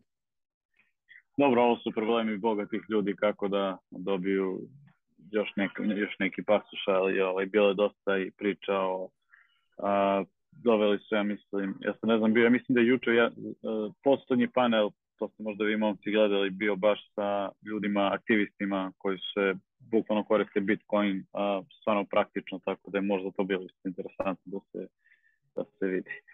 Ali da, ništa, samo sam htio, to ima par nekih tu stvari, poneću vam sledeći put kad se vidimo neke stikere i ovo svašta sam možda nešto dobio, pa samo sam, ovo mi baš bio interesantan marketing materijal, ono, baš pasuš za Bitcoin, Eto, to sam samo htio.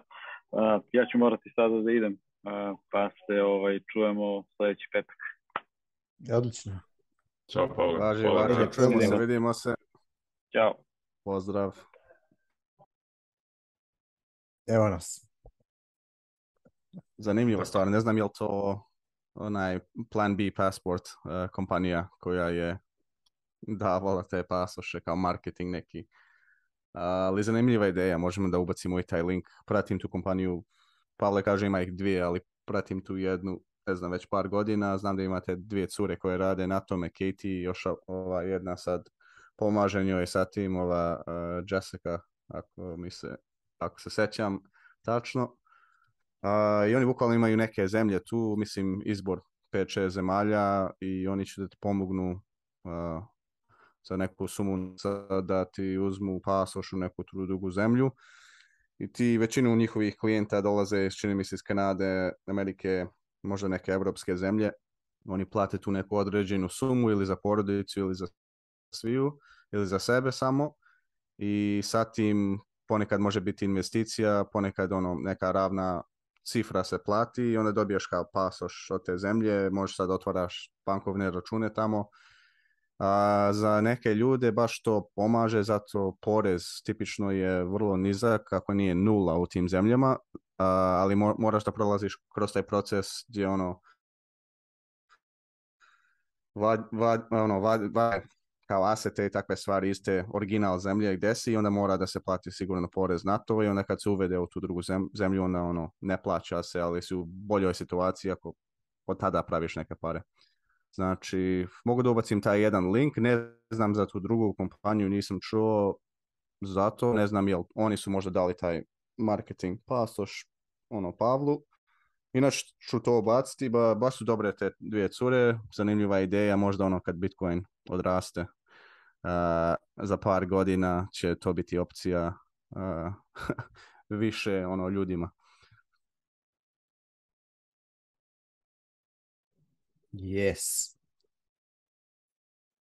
To se sve vrti oko te teme, onaj flag, flag theory, uh, game teorija oko gdje će živjeti i kako će država ono uh, uh da te tretira. arbitraža. I, e, bu, bukvalno to, da. To je ovaj, to si Pavo tebe spominjao, uh, ja sam i pogledao jer je izašao seminar od Safe Dina sa Mikelom Thorupom, mm-hmm. gdje je pričao o tome, uh, gdje ima ono, ne znam, ja pet pasoša, svako od njegove djece ima po svojoj, jer se rodilo u tim zemljama. To je, to je za sad onako interesantno kao za te bogati ljude, high networks individuals koji mogu takve, tako stvari si priuštiti recimo lakše nego normal, normalan čovjek, ali budućnosti svjetla i u e, normalno, apsolutno. Da do, dobu, dobu ovaj, citadela, jedva čekam dizajnirati pasoš za svoju citadelu, bit će to super stvar. E, bit će od veloma i krvlju upisan. Tako da, mislim, svako ima svoje pravila. da. Biće, biće to super. E, ako nas te državne birokratske ovaj, e, stvari budu mučile, uvijek imaš, uvijek im, zamisli situacije, bit će ono, visoka inflacija godinama, kamatne stope visoke, nekako, prdavo, države će se morati reducirati. Oni malo šta ostanu u tim državama, neće imati baš nekakva velika primanja i onda ćeš im jednostavno moći bimat samo par satošija prema njima onako da te, da te puste na miru. To ti je, to je the way to go. da, da, to je, to je way to go. Tako da, na, opće nema sekirati to. Nikakve. Znači, ovaj, e, proširit ćeš svoj spirit of generosity prema državnim birokratima. A već jesam, mislim, već jesam. Pokazat, mislim, to već radimo pod prisilom. To već radimo pod prisilom s time da ono, e, ćemo to sve manje raditi pod prisilom, e, to jest ono, kad baš moraš, moraš, to ti ono, ko kad kažeš da sad odeš tamo u nekakav mafijaški, ne znam, tamo u grad negde na Siciliji ili nešto, pa ti dođe neko i kaže ono, slušaj, ili ćeš tu ako ćeš se parkirat, to ti je ono 100 eura tjedno, ha ako ne, ostaćeš bez guma, ono, gume će ti biti probušene. Pa neš biti idiot. Ako hoćeš već biti tamo, ha platiš na eura, nećeš se sad ono, ne, ne, gledaj, free market je.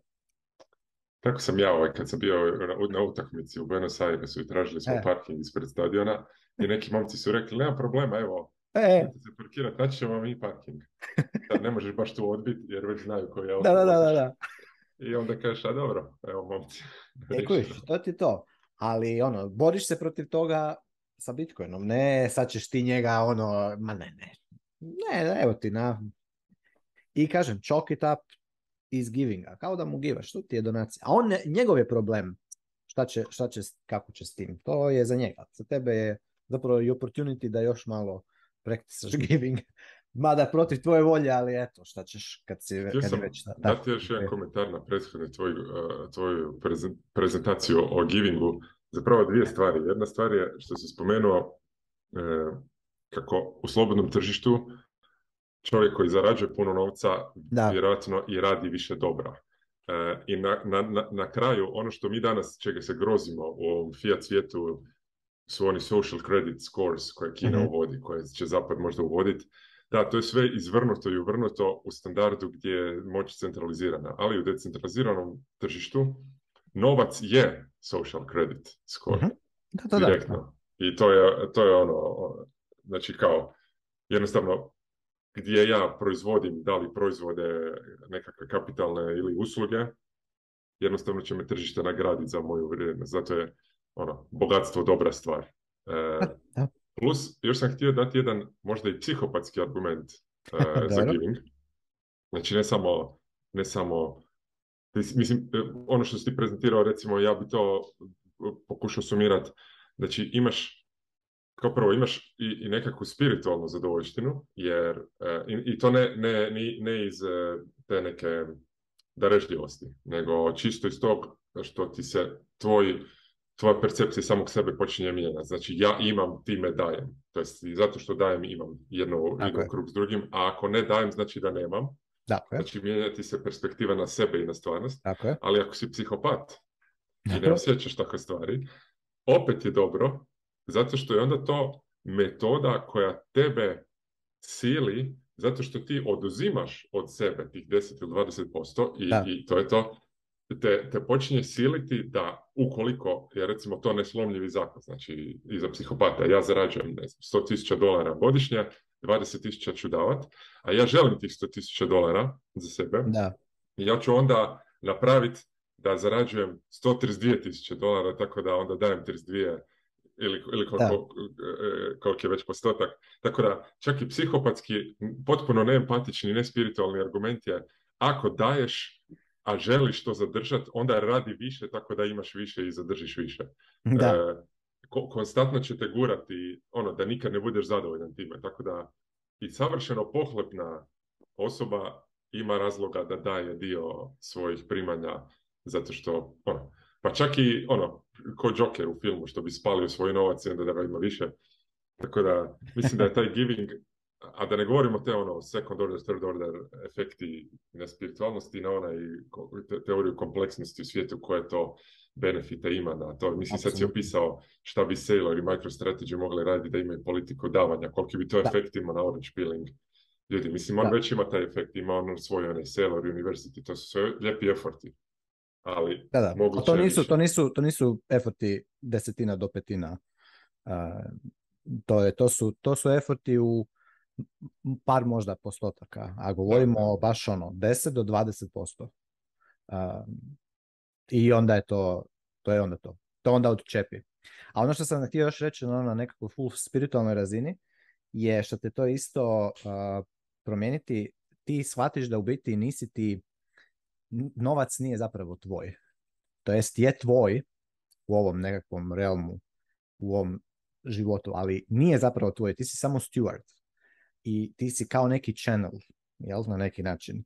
I što više ti mo, si efektivniji, ko, ko node, ko čvor, zato je Bitcoin Network jako interesantan, ono, što ti više otvoriš taj, taj, taj channel prema outward, giving channel, to, to imaš veći kapacitet za, za inflow, s druge strane, i, i možeš više, jednostavno imaš, eh, grovaš, grovaš i, i, i bolji si steward, a, a ono, i, i, i, quality of life ide gore, jednostavno ide gore.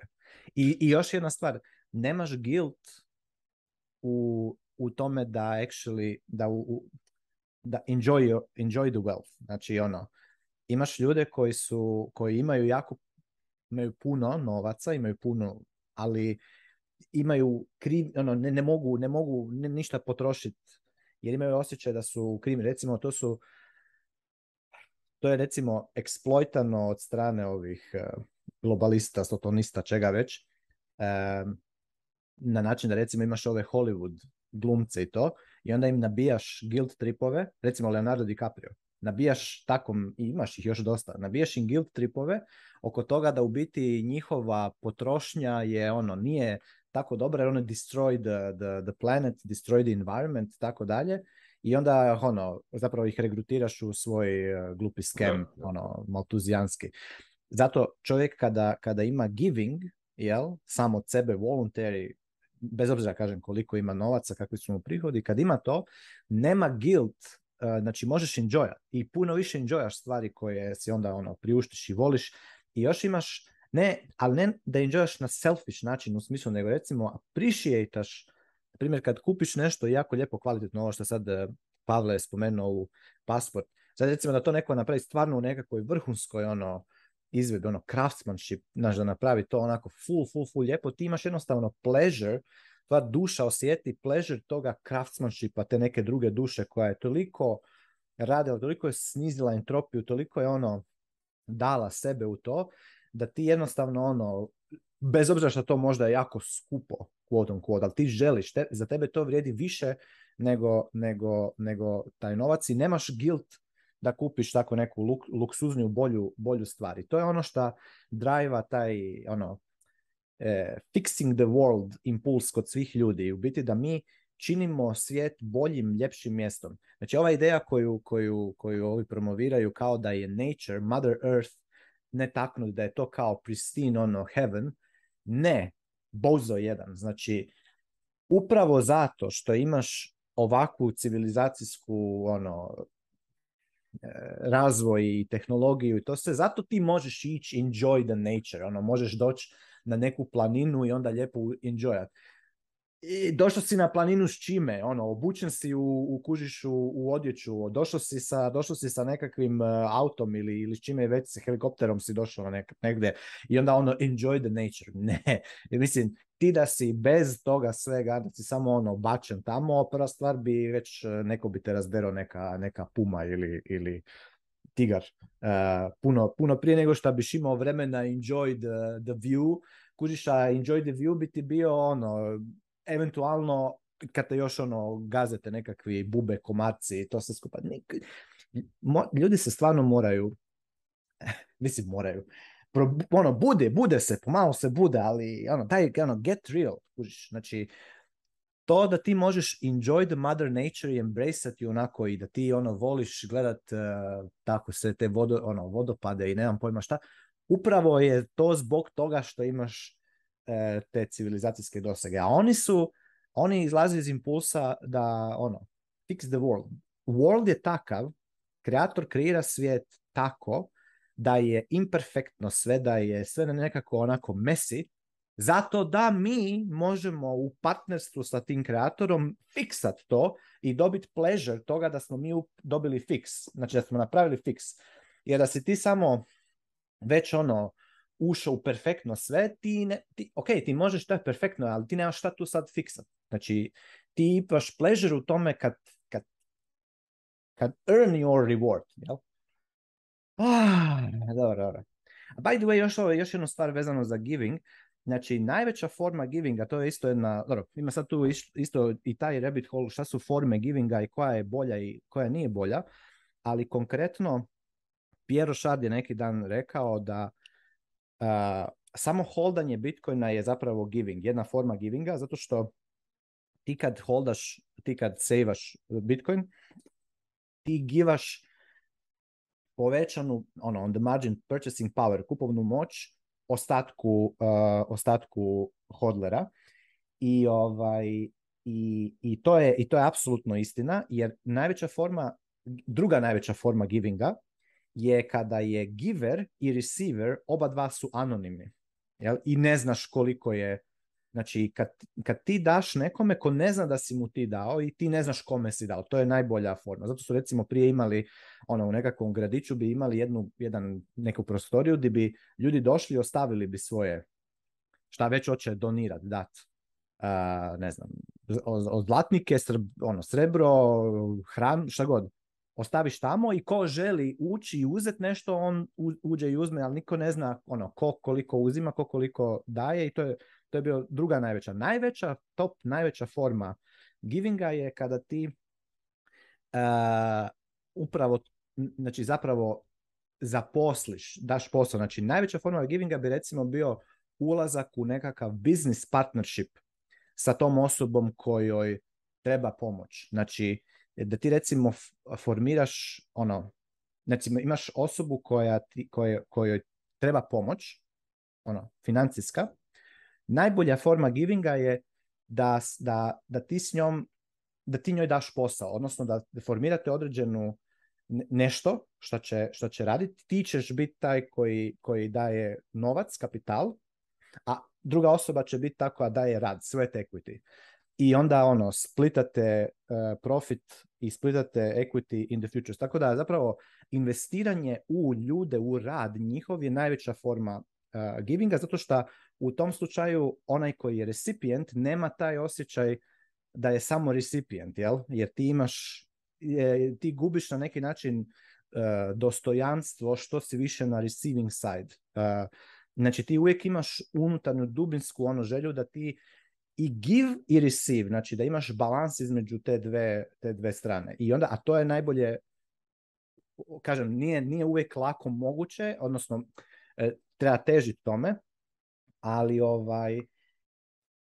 to je kako se, kako, se, kako se najbolje daje. Onda imaš ono osam kao stupnjeva givinga, od tog kao najvišega do, do najnižega i onda imaš isto tako kome daješ, daješ najprvo, koncentrično najbliže. Prvo, naj, recimo, globi svoj, u svojoj obitelji, onda recimo bliskim prijateljima, pa malo šire, ono, poznanicima i tako, ono, širiš.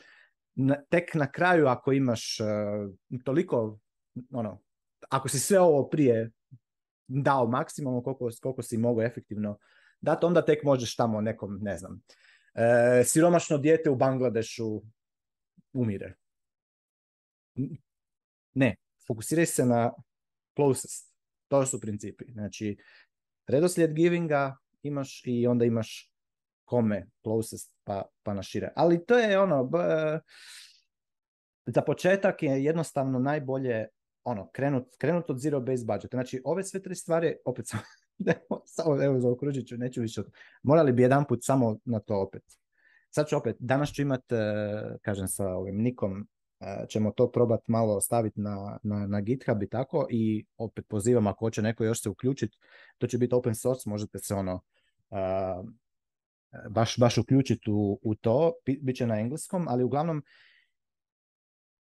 e, treba startat, a treba startat sa, po meni, prvo se starta sa zero base budgetom. Znači ako nemaš šest mjeseci barem zero base budgetinga under your belt, sve ovo ostalo je pusti za sad. Znači, prvo zero-based budgeting, fokus na to šest mjeseci, jel? get this under your belt za šest mjeseci, onda je get out of debt, druga stvar. Znači, ako, si, ako je checkmark, znači me sad recimo dođe i pita, da, Pavo, ja već imam, ja već ranam zero-based budget dve godine. Znači, ok, to je riješeno.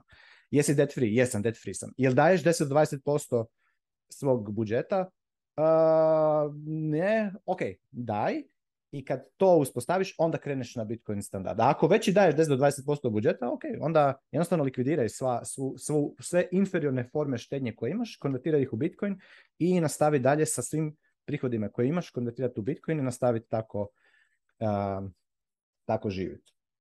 Tek kasnije, šta je, recimo ja još nisam u toj fazi, vjerujem da, mada sigurno ima, ima neke koji jesu, kasnije kad si ono na full Bitcoin standardu i recimo da si ono, da, da ti je štednja stvarno jako ono, imaš jednostavno ono, dosta, dosta veliku uh, kupovnu moć i naviku givinga i zero based budgeting i debt free si, e onda je princip da bi bilo dobro da imaš do jedne trećine do jedne trećine wealtha u kažu land, odnosno to bi bila tvoja kao nekakva nekretnina, jel? u kojoj živiš, da, baš da si ono own, owner tog gdje živiš, do jedne trećine, do jedne trećine u, u biznis, kažu.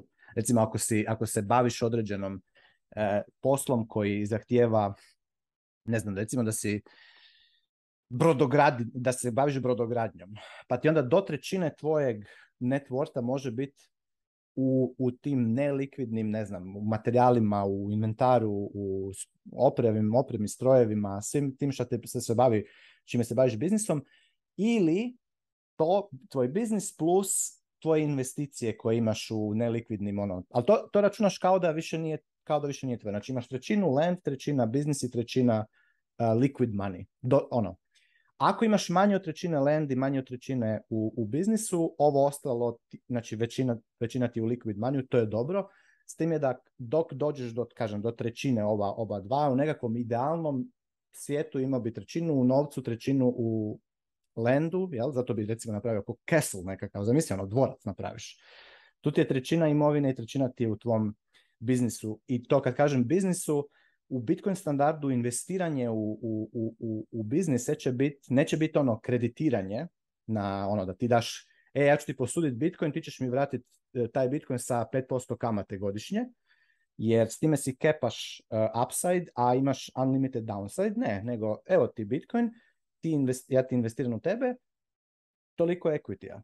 50-50, 20-80%, kako već se dobro... Ili royalty Tako je. I onda je ono, downside je unlimited jer svaki biznis može bankrotirati i ići out of business, ali upside isto tako nije kepan.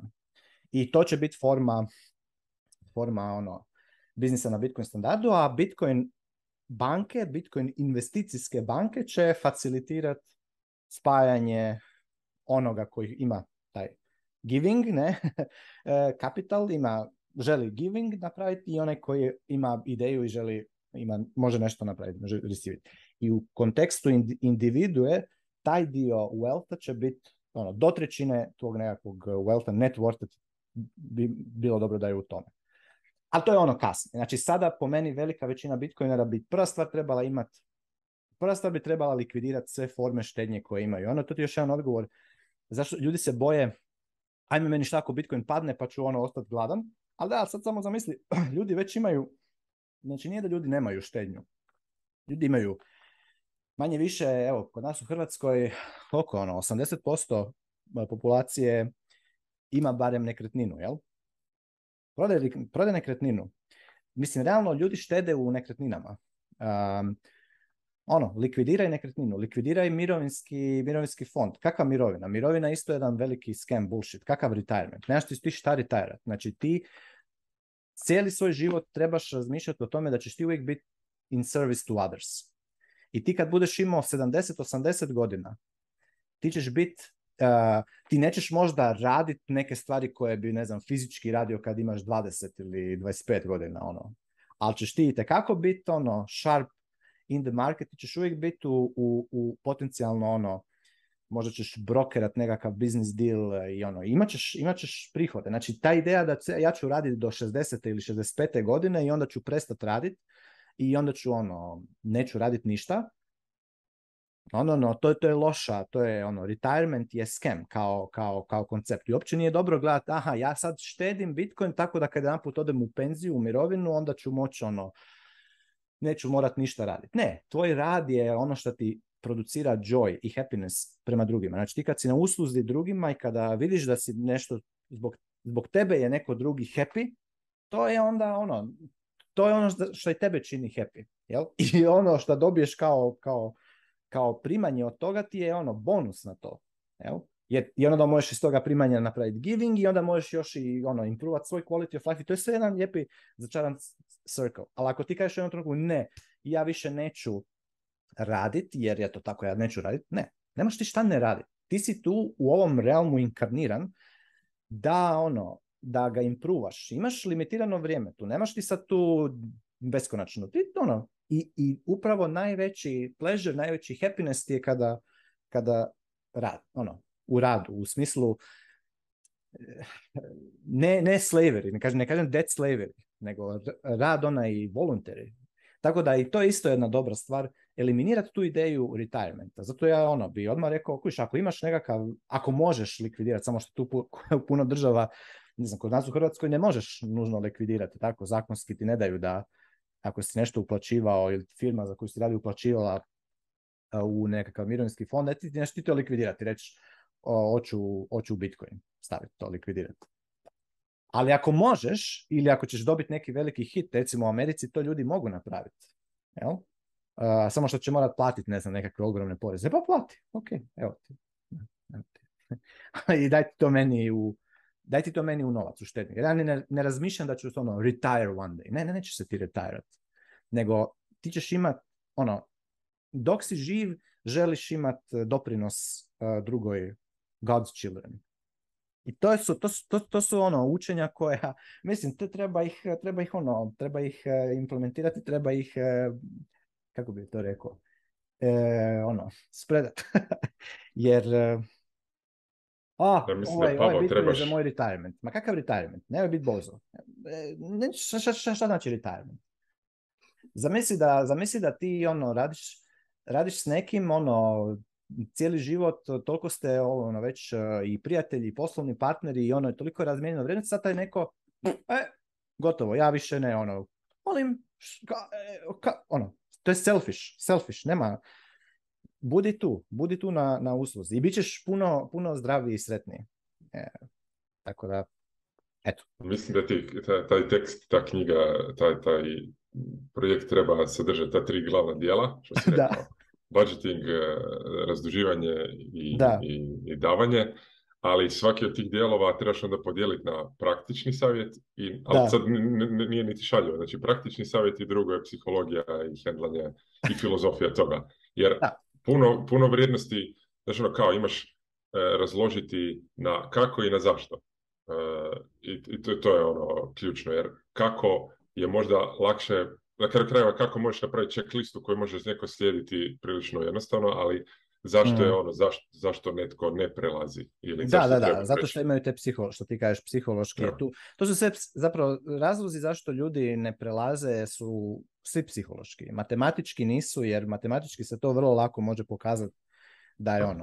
kako, jer kako je, mislim... I ta, kako je te, da, tehnički ono, ako znaš, a kako ćeš recimo, ako znaš da si odlučio si, ok, imam tu, imam tu kuću koju samo ono, digao sam kredit i otplaćujem ga već 10 godina, a još imam 20 godina za otplatiti, znači imam neki equity u toj kući i ono, imam prihode, imam nešto još malo kreditnih kartice, tako dalje. Kako? Znači kako izaći iz tog duga? Pa realno, zna se kako se kuća proda, zna se kako se eliminira dug tehnički to provesti je relativno jednostavno. Mislim, ono, logistički je malo, ali što ti kažeš, odlučit, psihološki, psihološka je barijera i psihološka je kočnica zašto to ne napraviti. Jer ono, ajme, meni šta bi to značilo za mene? Na kraju uvijek se svi na kraju boje, ah, I'm gonna die. Ono, umreću. Ah, nećeš umret. Nemoj se bojati toga. Na kraju krajeva, ono, taj strah je uvijek nekako u pozadini svega. Ljudi su uvijek eto, nažalost su ove zadnje dve godine toliko ljudi je bilo izmanipulirano od toga straha da će umriti. Ali ja mislim da se isto tako puno, puno ljudi jednostavno na neki način je prešlo preko tog, to jest outgrovalo je taj strah da će umriti. Koji ljudi su stvarno, bilo je puno ljudi koji su mislili jednostavno hm, izaći ću van, samo udahnut, nešto je u zraku nevidljivo, što ako ja udahnem, ono, pašću i dead, mrtav sam. Mm. I zamisli ono, i taj strah je kuš ono, bio je permeating dugo, dugo dana i, i, ono, bio je pumpan. Dobro, puno ljudi je skužilo nakon kratko, možda jedan, dva dana da ljudi nisu, ono, to je bio treći mjesec 2020. kad je ono bilo. E, ipak ljudi ne umiru baš na ulici, ono, ko što smo mislili, pa ajde, pa im je prestao taj direktni strah. Ali puno ljudi, ono, imalo ipak, znaš, ono, dosta im je dugo trebalo dok, dok se nisu prevlašili preko straha. Tako da, ja mislim da je sada cijelo čovječanstvo na jednoj puno puno zrelijoj e, nekako razini, puno su manje se boje. Sad će još, sad još jedan taj strah, e, sad koji je nekako sad se generira je taj strah da ne izgube e, kao, da ne izgubiš egzistenciju, taj ekonomski kao ono, ajme meni kako ću, ono, inflacija je, krediti su skupi, a, a, kako da radim. Ma, daj. Baš smo jučer pričali ove, sa ovim bitcoinerima, smo, ovaj Niki a inače, ono se bavi kao health health coaching i ono health on the Bitcoin standard i ono tu je ima nekakvu grupu svoju koju, s kojima to radi i ono baš smo pričali, pričali smo o fastingu, o postu i o tome kako je to ovaj, kako to sve može ono imati odlične posljedice za, za zdravlje čovjek. Ti se možeš izlječiti od sve, ne postoji stvar hoćeš od, ono, od rakova do nemam pojma kakvih ozljeda, čega god da imaš, tumora, sve to možeš e, postom izliječiti. Samo što je post užasno težak. traš ne jest. A ne jest, a sve oko tebe, svi oko tebe jedu i svi oko tebe u biti imaju to jednu dubinsku, psihološku, ono, i ti, naravno, svi imamo mi, e, di mi recimo um, izjednačavamo e, taj hranu i to prvi put kad izađemo kao beba ono van i onda smo potpuno bespomoćni mi bi bez, bez da nas neko ono uhvati drži i hrani majka, ono, da te ono, nahrani, ti, ti si gotov, Nema, nemaš ti šanse, nisi ti, čovjek nije kao, ne znam, e, ne znam koja druga životinja, nije ono kao kornjača, ono, koja se, kuš, izađe van onda ono, idu već, e, ne, ti, ti moraš, ti, ti moraš shvatiti da ti već kad uđeš u ovaj svijet, ono, si totalno bespomoćan i onaj ko te nahrani, on ti praktički spasi život. Ali onda ostaneš, vučeš tu nekakvu kao nekakvu traumu da, i onda kad uđeš, traumu, vučeš taj, taj, taj impuls i u biti uću post signalizira, ajme meni čovjek će umre, ide u, u smrt, ono. Ajme meni nije jeo, ništa će od gladi. I ljudi se, puno ljudi se boji toga da ne umre, zato što su gladni. Ja ljudi ne, ne ti od gladi odmah. Ja, Matija, sigurno znaš, mislim, probao si postit, e, ono, nećeš umrti od gladi dugo, dugo vremena, da ideš u post, nećeš mjesecima, ni blizu doći, da ćeš umreti od gladi. Ali ovaj, ljudi se boje, ono, recimo napraviti post od, ne znam, tjedan dana, to je, uff, umrećeš, nećeš umreti. Ali, ovaj, ali recimo, u ovoj sad situaciji kada, kada gledaš e, šta se dešava ono, u svijetu, e, makroekonomski, bla, bla, kažu bit će food shortages i tako dalje, to je možda najbolja stvar koja ti se može dogoditi. Za puno ljudi da ono, možda ne jedu 5-6 puta na dan, stafaju se sa grain slave food, možda je to zapravo najbolji blessing kojim se mogao dogoditi da ono otkače još jedan strah, strah od smrti zato što nisam, nisam nahranjen, da si tu zapravo safe. Znači nećeš umret od disanja zraka, znači nema tih nevidljivih strašnih eh, ono da samo dead, past dead, a možda nećeš i ono umret ako nisi ono ako ne pratiš svjetsku zdravstvenu organizaciju i njihov ono skem eh, feed ono feed, feed the cattle. Nećeš, da pače. Još ćeš se izlječiti, i bit ćeš puno više sharp i smart i ja ćeš moći actually napraviti šta god već ono, želiš i bit će sve super, tako da ne se sekirati. Ne, kogod se ono sekira sad, ja mu samo želim da, da otkrije čari full Bitcoina i Bitcoina općenito odmah i da se uključi u Bitcoinerske priče jer tu se uvijek nalaze ti neki gem, gemovi, hidden gems. E, dobri su. I sve ti je na kraju pitanje perspektive. Jeff Booth, da sam ga slušao jučer i preključer na ovome u Amsterdamu, pa je govorio kako je u biti sve ti pitanje perspektive. Neki ljudi koji samo gledaju ono, ako, ako želiš danas, ti možeš se danas totalno na neki način e, koncentrirati, možeš si organizirati tvoj news feed i ono information je takav da ćeš doslovno vidjeti distraction i katastrofu svaki dan.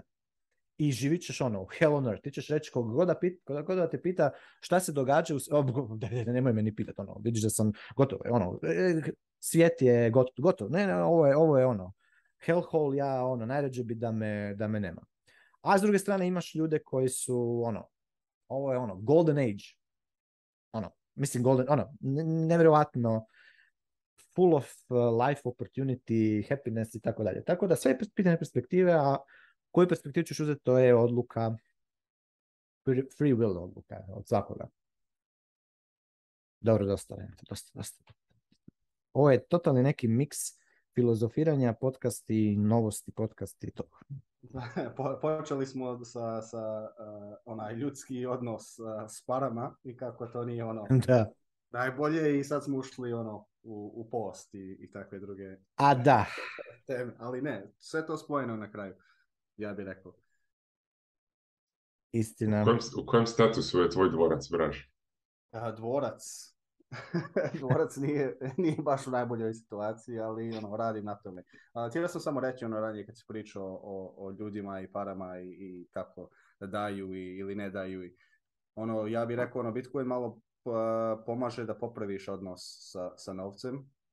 tipično iskustva naša u životu nisu ono baš najlepša sa, sa, sa novcem ili nema dosta ili teško dobiti ili ono moraš žrtvovati neki ono vaš deo važan života ili volje ili interese tvoje samo onda zaradiš ali ne znam nekako kad se, kad se krene s Bitcoinom onda vidi se bar za mene ono meni to nešto značilo da ima opcija neka druga e, koja ne, ne moram baš da verujem u neku, neku osobu specifičnu ni instituciju ni državu to je meni bilo važno i zato sam bio na istu liniju mišljenja, ono bilo mi je vrlo lako kao uživati u tome.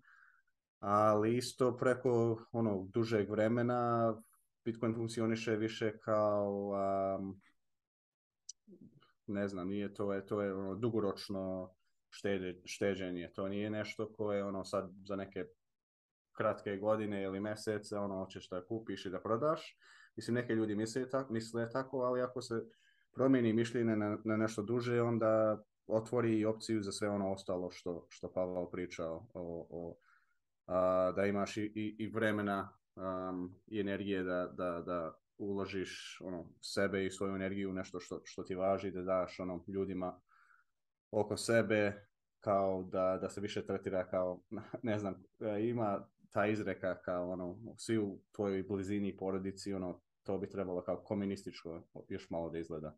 Znači, dava se, ali kad ono, sve ideš na dalji i dalji nivo od toga, od porodice, onda to sve ono, trebalo bi izgleda kao obični ona, e, društvo, kapitalizam, kako bi rekli. Mhm.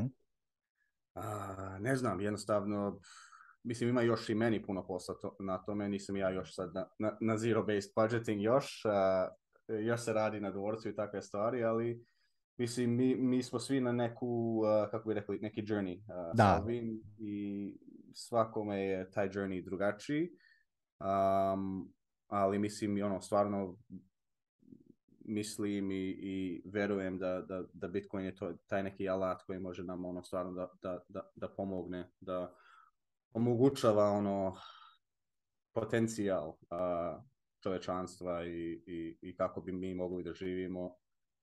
Um, mislim, par puta si rekao ono raj na zemlji i takve stvari. E, kao mi smo ovdje da, da integrišemo nekako naše društvo u, sa ovim svetom i nekako da napravimo nešto što valje od toga. Ja slažem se potpuno, mislim da je Bitcoin alat za to. a sad, ne znam, zanimljivo bi, bi, bi bilo meni da baš da vidimo onaj guide koji će ti, ti ovaj, uh, napisati.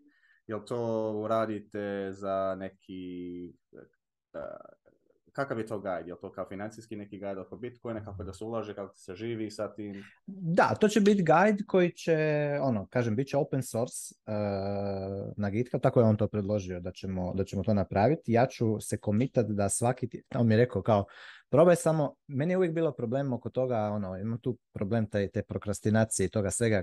Imam ja toga dosta tih, tog materijala negdje nadrobljenog ono, nekakvim notovima i u snimljenim ono, voice-overima i to, ali to treba ono strukturirati. On mi je rekao, komitaj se 21 minutu svaki tjedan.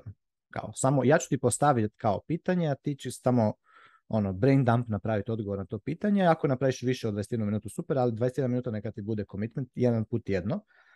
I to ćemo tamo stavljati eh, i bit će podijeljeno, kažem, na tri, sek- tri Cilj je, tih, cilj je toga gajda da bitcoinere, znači to je orijentirano za ljude koji su već bitcoineri, znači nije za no-coinere i pre-coinere, za njih je, oni se prvo moraju orange pilati, ono get of zero, ali za bitcoinere eh, je to guide kako te tri stvari napraviti da bi imali, da bi mogli ići na full Bitcoin standard. Znači kako, šta je zero based budgeting i sve oko toga. Znači kako se, šta su kategorije u budžetu, kako se budžeti, šta, šta je reconciliation, šta je ehm, šta, su, šta su assets, šta su liabilities, kako se računa net worth, kako se računa age of money. Znači, ti sve te stvari moraš, moraš postaviti u, u budžet i naučiti ga raditi.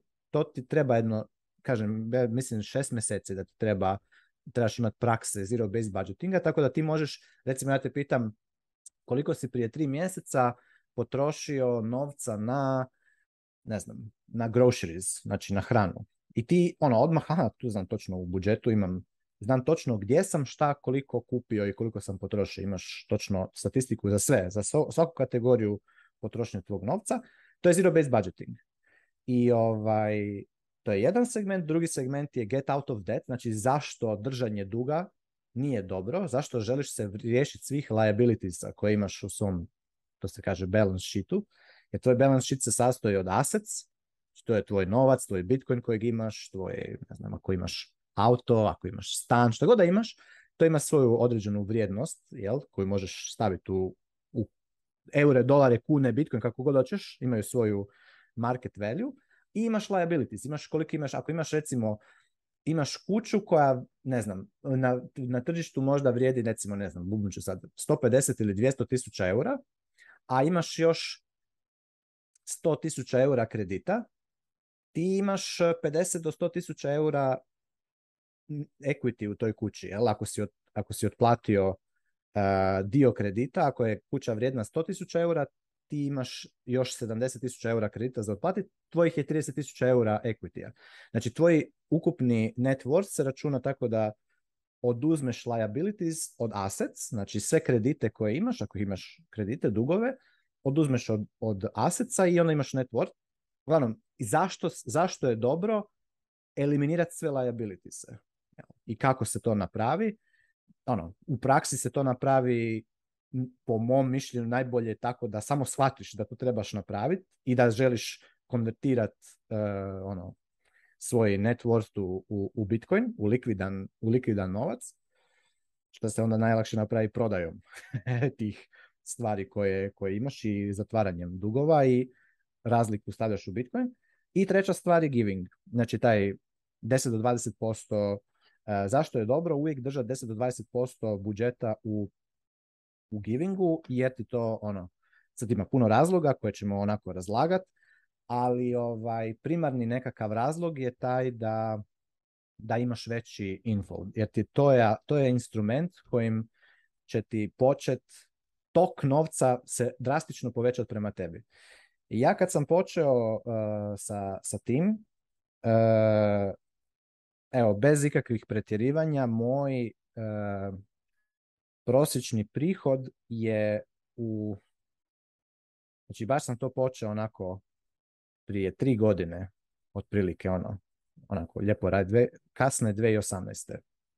2019, tač, tako jedno, tri, tri, možda tri pol godine da, da to prakticiram. Moji prihodi su sada otprilike 10, 10 puta veći zbog toga. A znam da će još biti ono, to, to je jako kratko vrijeme E, da ja to radim.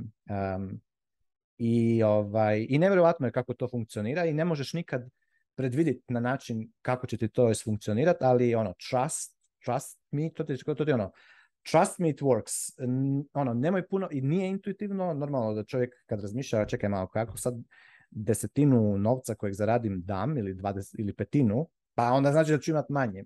Doesn't work that way, ne, jer jednostavno u tebi se počne stvar mijenjati. E sad šta se točno mijenja, to je sad, to je ono uh, duboka eh, psihologija koja ti se dešava, ali, ali jednostavno postaneš puno, imaš puno, jako, puno veći kapacitet za, za, za earning. A to ti je onda kad si na Bitcoin standardu jako krasno, zato što onda počneš vidjeti jako velike brojeve u satošima koji ti, koji ti ono, coming your ways, jel? Tako da, često, kužiš, većina, puno, puno bitcoinera danas e, razmišlja ono samo kako how to cut the costs možda, ne ono, neću kupiti nove čarape, nego ću imati izbušene čarape zato da ono, stack more sets, ono, sell your chairs, stack more sets, ono, više Ali nije to jedini način kako možeš e, grow your stack. Znači, ti možeš growat stack i na način da growaš income a Grovat Income je nije, nije hoću, samo reći, nije ono, nije uopće o tome, nije vezano za to šta radiš, čime se baviš konkretno. Neko će reći, da, ja nisam, ne znam, programer, pa ne mogu imati veliku plaću. Ne, ne. Ti možeš biti apsolutno bilo šta da radiš. Bitno je kakav je tvoj spirit, kakav, kakav si ti sa drugim. Jer sve šta god radiš, sav wealth kojega, kojega uvijek generiš sa drugim ljudima. Tako da ovo tu, giving, ti, ti stavlja jedan drugačiji i drugačiju vrstu spirita i što ti onda povećava, um, ajmo reći, ko nekakav uspjeh sa, u, u, u odnosu sa drugim ljudima i u poslovnom, odnosno vrijednostno razmjernom odnosu sa drugim ljudima na nevjerovatne načine. I to je ono, to su tri po meni stupa, zero-based budget, Zero Debt, Giving, koji je, kada imaš ono poredano i doslovno ih ideš tim redoslijedom poredat. Znači prvo se skoncentriraš na zero based budgeting. Znači ako nemaš zero based budgeting solved, to je prvo na što se fokusiraš. Tu su točno konkretni koraci kako se to radi. Mi ćemo to probati napraviti tako da e, ono, mislim, ja ću e, ja koristim ovo, youneedabudget.com, to je software koji je odličan, od 2017. ga koristim, svaki dan perfektan je, ono, meni je brz, ali kaže ne moraš, ne moraš ti koristiti taj software, možeš ti koristiti Excel sheet, spreadsheet, Google sheet, možeš koristiti doslovno olovku i papir. Sve ti se to svodi na to da jednostavno ono, taj novac kojega imaš, da njega uvijek, da on uvijek ima svoju namenu, uvijek ima plan. I to se, to se posloži, ako si to napravio, to moraš se toga držati barem šest mjeseci, onda ideš na drugi korak, jesi debt free ili ni, ako jesi debt free, super, ono si ono, skipao si taj korak i ideš na treći korak. Da li imaš 10 do 20% u svom budžetu u giving kategoriju? Iz koje ćeš jednostavno, taj, to je novac koji jednostavno nije, ajmo reći, kod da računaš, to više nije tvoj novac. To je, nek, to je novac koji ćeš dat. Da ćeš ga dat e, kao nekakav humanitarnu nekakvu pomoć nekome, da ćeš ga dat kao jednostavno gift poklon, da ćeš nešto. Ja sam imao ono, blagoslovljeno sam imao prilike E, ono, pomoć ljudima u, za vrijeme ove korona diktature, histerije gdje su ono imali e, situacije da će ono ostati potencijalno bez posla i to je nevjerovatan način, kad, nevjerovatna stvar kad ti nekome možeš e, na taj način pomoći. Um, i, i, još puno, da, da sad ne ulazim, ali to, to, je ono, to je uvijek na kraju tvoja stvar, i najviše radi na tvoju, na tvoju dušu, na tvoj spirit i stvarno, stvarno, stvarno funkcionira. Ja znam kako to, mene je to toliko drastično promijenio, Ja sam prije bio dosta onako dosta onako egoistično, govnjarsko, onako nekad nastrojen. A, ovaj, a sad mi onako, sad sam ko nekakav, vidiš, fluffy puffy, moja Marina, ona mene smije tici, kao ono... Kao Deda Mraz, Sad sam kao da me zato sam i pustio tako bradu, jer onako mi je znalo biti nekad, ona mi zna reći, joj ti onak oštar, oštar pogled, ono, pa da, da ti kod da nekog... E, govorim, dobro, evo sad ti ovako blesalo, malo smiješno izgledam sa tom bradom, ali a to je tako, to je ono. anyway, i kažem funkcionira dobro. Uglavnom to ćemo napraviti guide i bit će otvoren, bit će, bit će ono, e, hopefully e, će se još uključiti, ono, uključit ću ja to jest mi ćemo uključiti neke e, ono, još bitcoinere koji će probati tu još ono, to reviewat, malo kontrib- kontributat, pitat ćemo Gigi-a, e, ono, ma zapravo sve ono koje god, to je, to je relevantno za sve bitcoinere, pogotovo za, pogotovo za bitcoinere koji su malo dulje u bitcoinu i koji još uvijek nisu, u, hi, nisu još hiperbitcoinizirani, još uvijek se ono, E, joj, te, držat ću ono, barem malo još Fiat, dry powder, dry powder. A, ono. a šta ako Bitcoin ode na, na, na 5000 dolara, ono, a, kveć, kveć, kveć, to, to je ono. Tako da to je za njih. E, jer onda ćemo ono, kad to, kad se bitcoineri sad postojeći ono, full, full, full, full, hiperbitcoiniziraju, oni su ti bikoni, beacon of light. Tu je puno efektivnije je ono, hiperbitcoinizirati bitcoinere tako da oni mogu ono orange pilat svoje blizu, ali orange pilat properly, nego ono ići sad nekog no coinera koji još ono, ne, di on još od, e, da, kojiš, on još mora, što si ti rekao, braš svako je na svom ono, point in the journey, znači on još mora i krenut opće, get of zero, a ti dok njega na, ono, konvincaš, treba će proći vremena. Ali ovako ti sebe kad ideš ono, dodatno hiperbitcoinizirati, e to je već puno, puno si efektivniji za, za, za onda ono, utjecat na, na svoju užu okolinu koja onda je ono, vidit ćeš.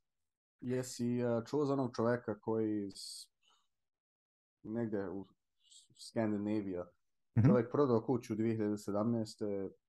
Sve stvari prodao, Mhm. za Bitcoin tada i onda od, od, od tada on putuje bukvalno. Znači, da, da, da.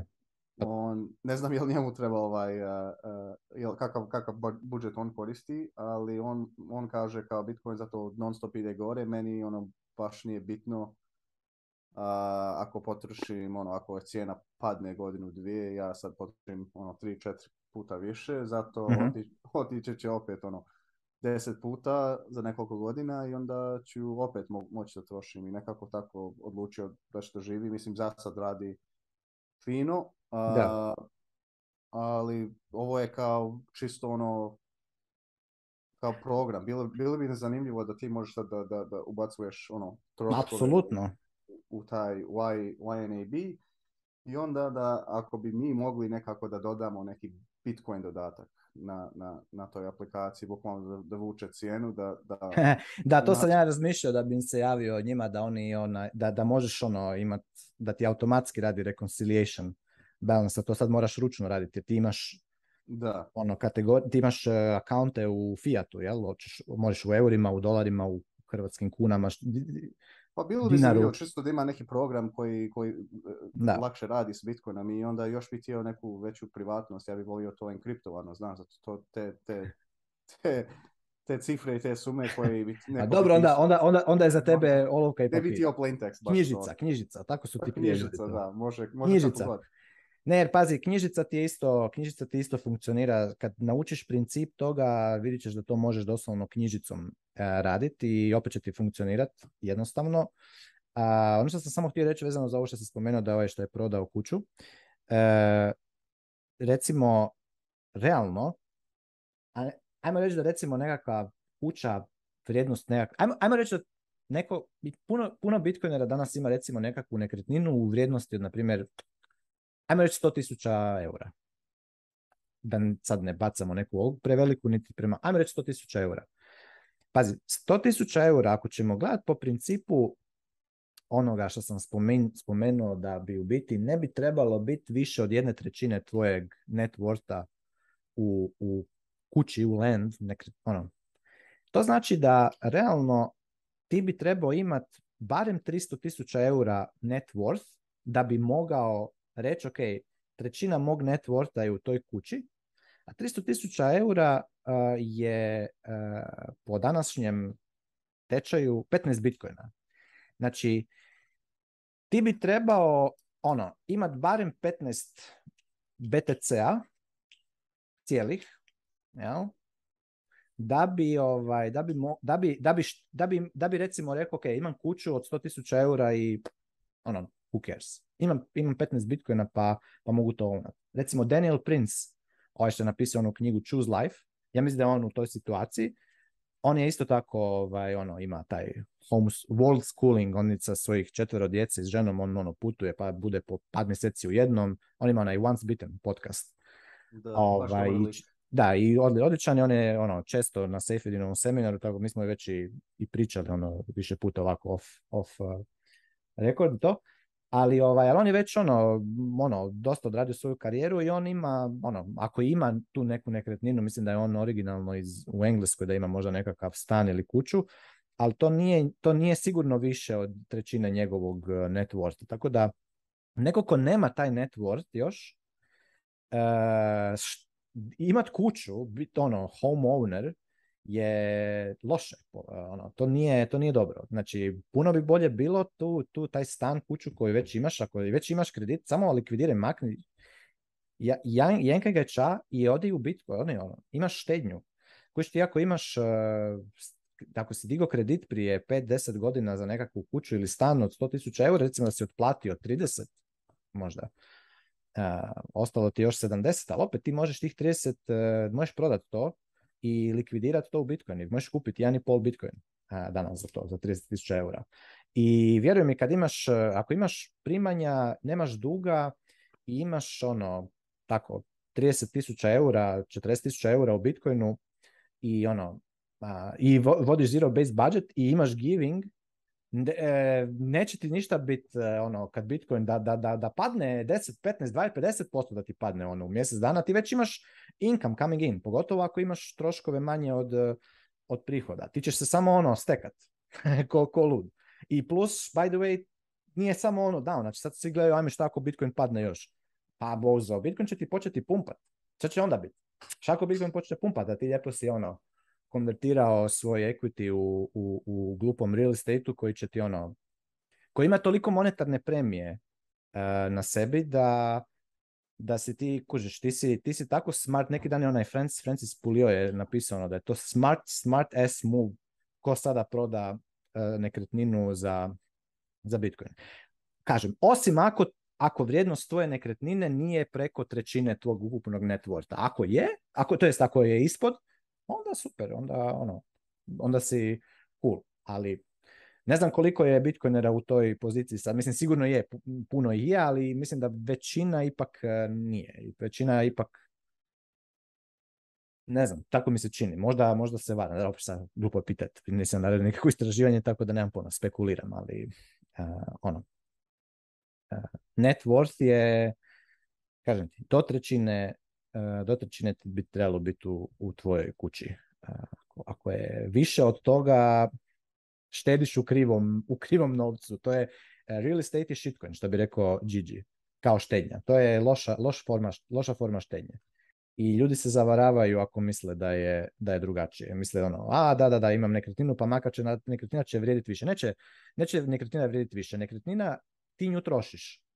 Ti nju trošiš samim korištenjem, ti nju možeš ulagati natrag novce u nju da je ono održavaš, da je smanjiš stopu, stopu deprecijacija, ali realno nije stvar da ta nekretnina vrijedi više, nego je stvar da je novac ima manju kupovnu moć, fiat ima manju kupovnu moć. Tako da ta tvoja nekretnina nije da ono 10% godišnje naraste u vrijednosti, nego, nego ono inflacija je takva da ono, mislim, who cares? I ima, e. ima, puno kredita i, i ljudi traže. Tako je.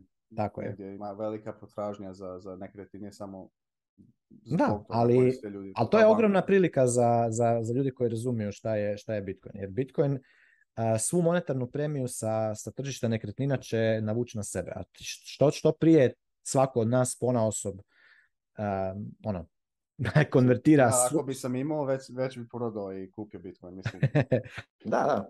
Moj jedan prijatelj, Juraj, on, možda bi mu jedan dan njega trebali na podcast isto. E, Pelja. On je ovaj, imao u Zagrebu stan pa je e, koji je iznemljivo pa ga je prodao ovaj, pa je ne, nešto od tog proceeding sastavio u Bitcoin. To je bilo, doduše to je bilo u ono već u bull marketu 2021. Ali, ovaj, ali je, ono, mislim, move za long term je odličan, jer, mislim, ne, ne, neusporedivo je to, neusporedivo Mislim, je. većinu ljudi ono, pogotovo što su više i više mlađi, ono, mlađi ljudi nemaju šansu da kupe nekretninu, samo da, ono, nekako... Apsolutno, ono, kad su na Dobiju da. od roditelje i tako nešto. Mislim, ja u Kanadi nisam nikako imao šansu bez neko pomoći. osim osim ako odeš na Bitcoin standard, onda možeš osim, kupiti nekretninu. da. Mislim, to, to ti je šansa, da. To ti je jedina šansa za budućnost.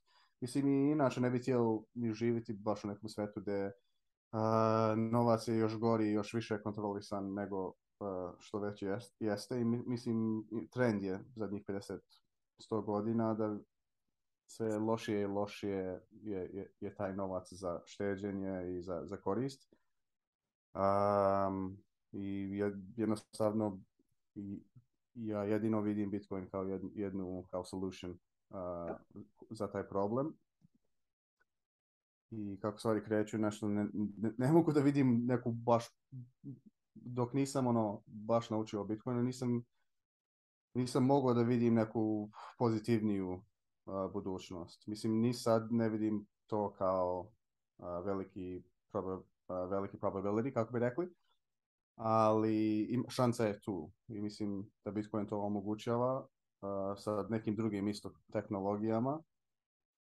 Ali pitanje je kako je šta i zato toliko puno ljudi u današnjem danu su toliko ono zapeli uvezani sa tim starim sistemom da bit će baš za one koji im je ok sad, da, koji im je dobro, oni će baš da pate, oni nešto da vole, a za oni koji nemaju ni sad, ni, tad neće da imaju, ali će bar imati ono šansu nešto mislim, Bitcoin ti daje šansu nešto pravo da, da, da, da zaradiš, da, sačuvaš, pa bez toga ne znam, ja ne bi baš gledao ni, ni zero-based budgeting, ni, ni, te stvari bez Bitcoina, razumiješ, ne, ne, bi, bila, ne bi bila perspektiva ista, mnogo bi lakše upao ono, tipičnom sretu, ono, potroši, zaradi, kupi, uzmi dugove i tako to, ali ne znam, nikad nisam bio ja takav, pa možda mi je privuklo malo više na, na, na stvari kao Bitcoin, ali yep. ne znam, nisam siguran.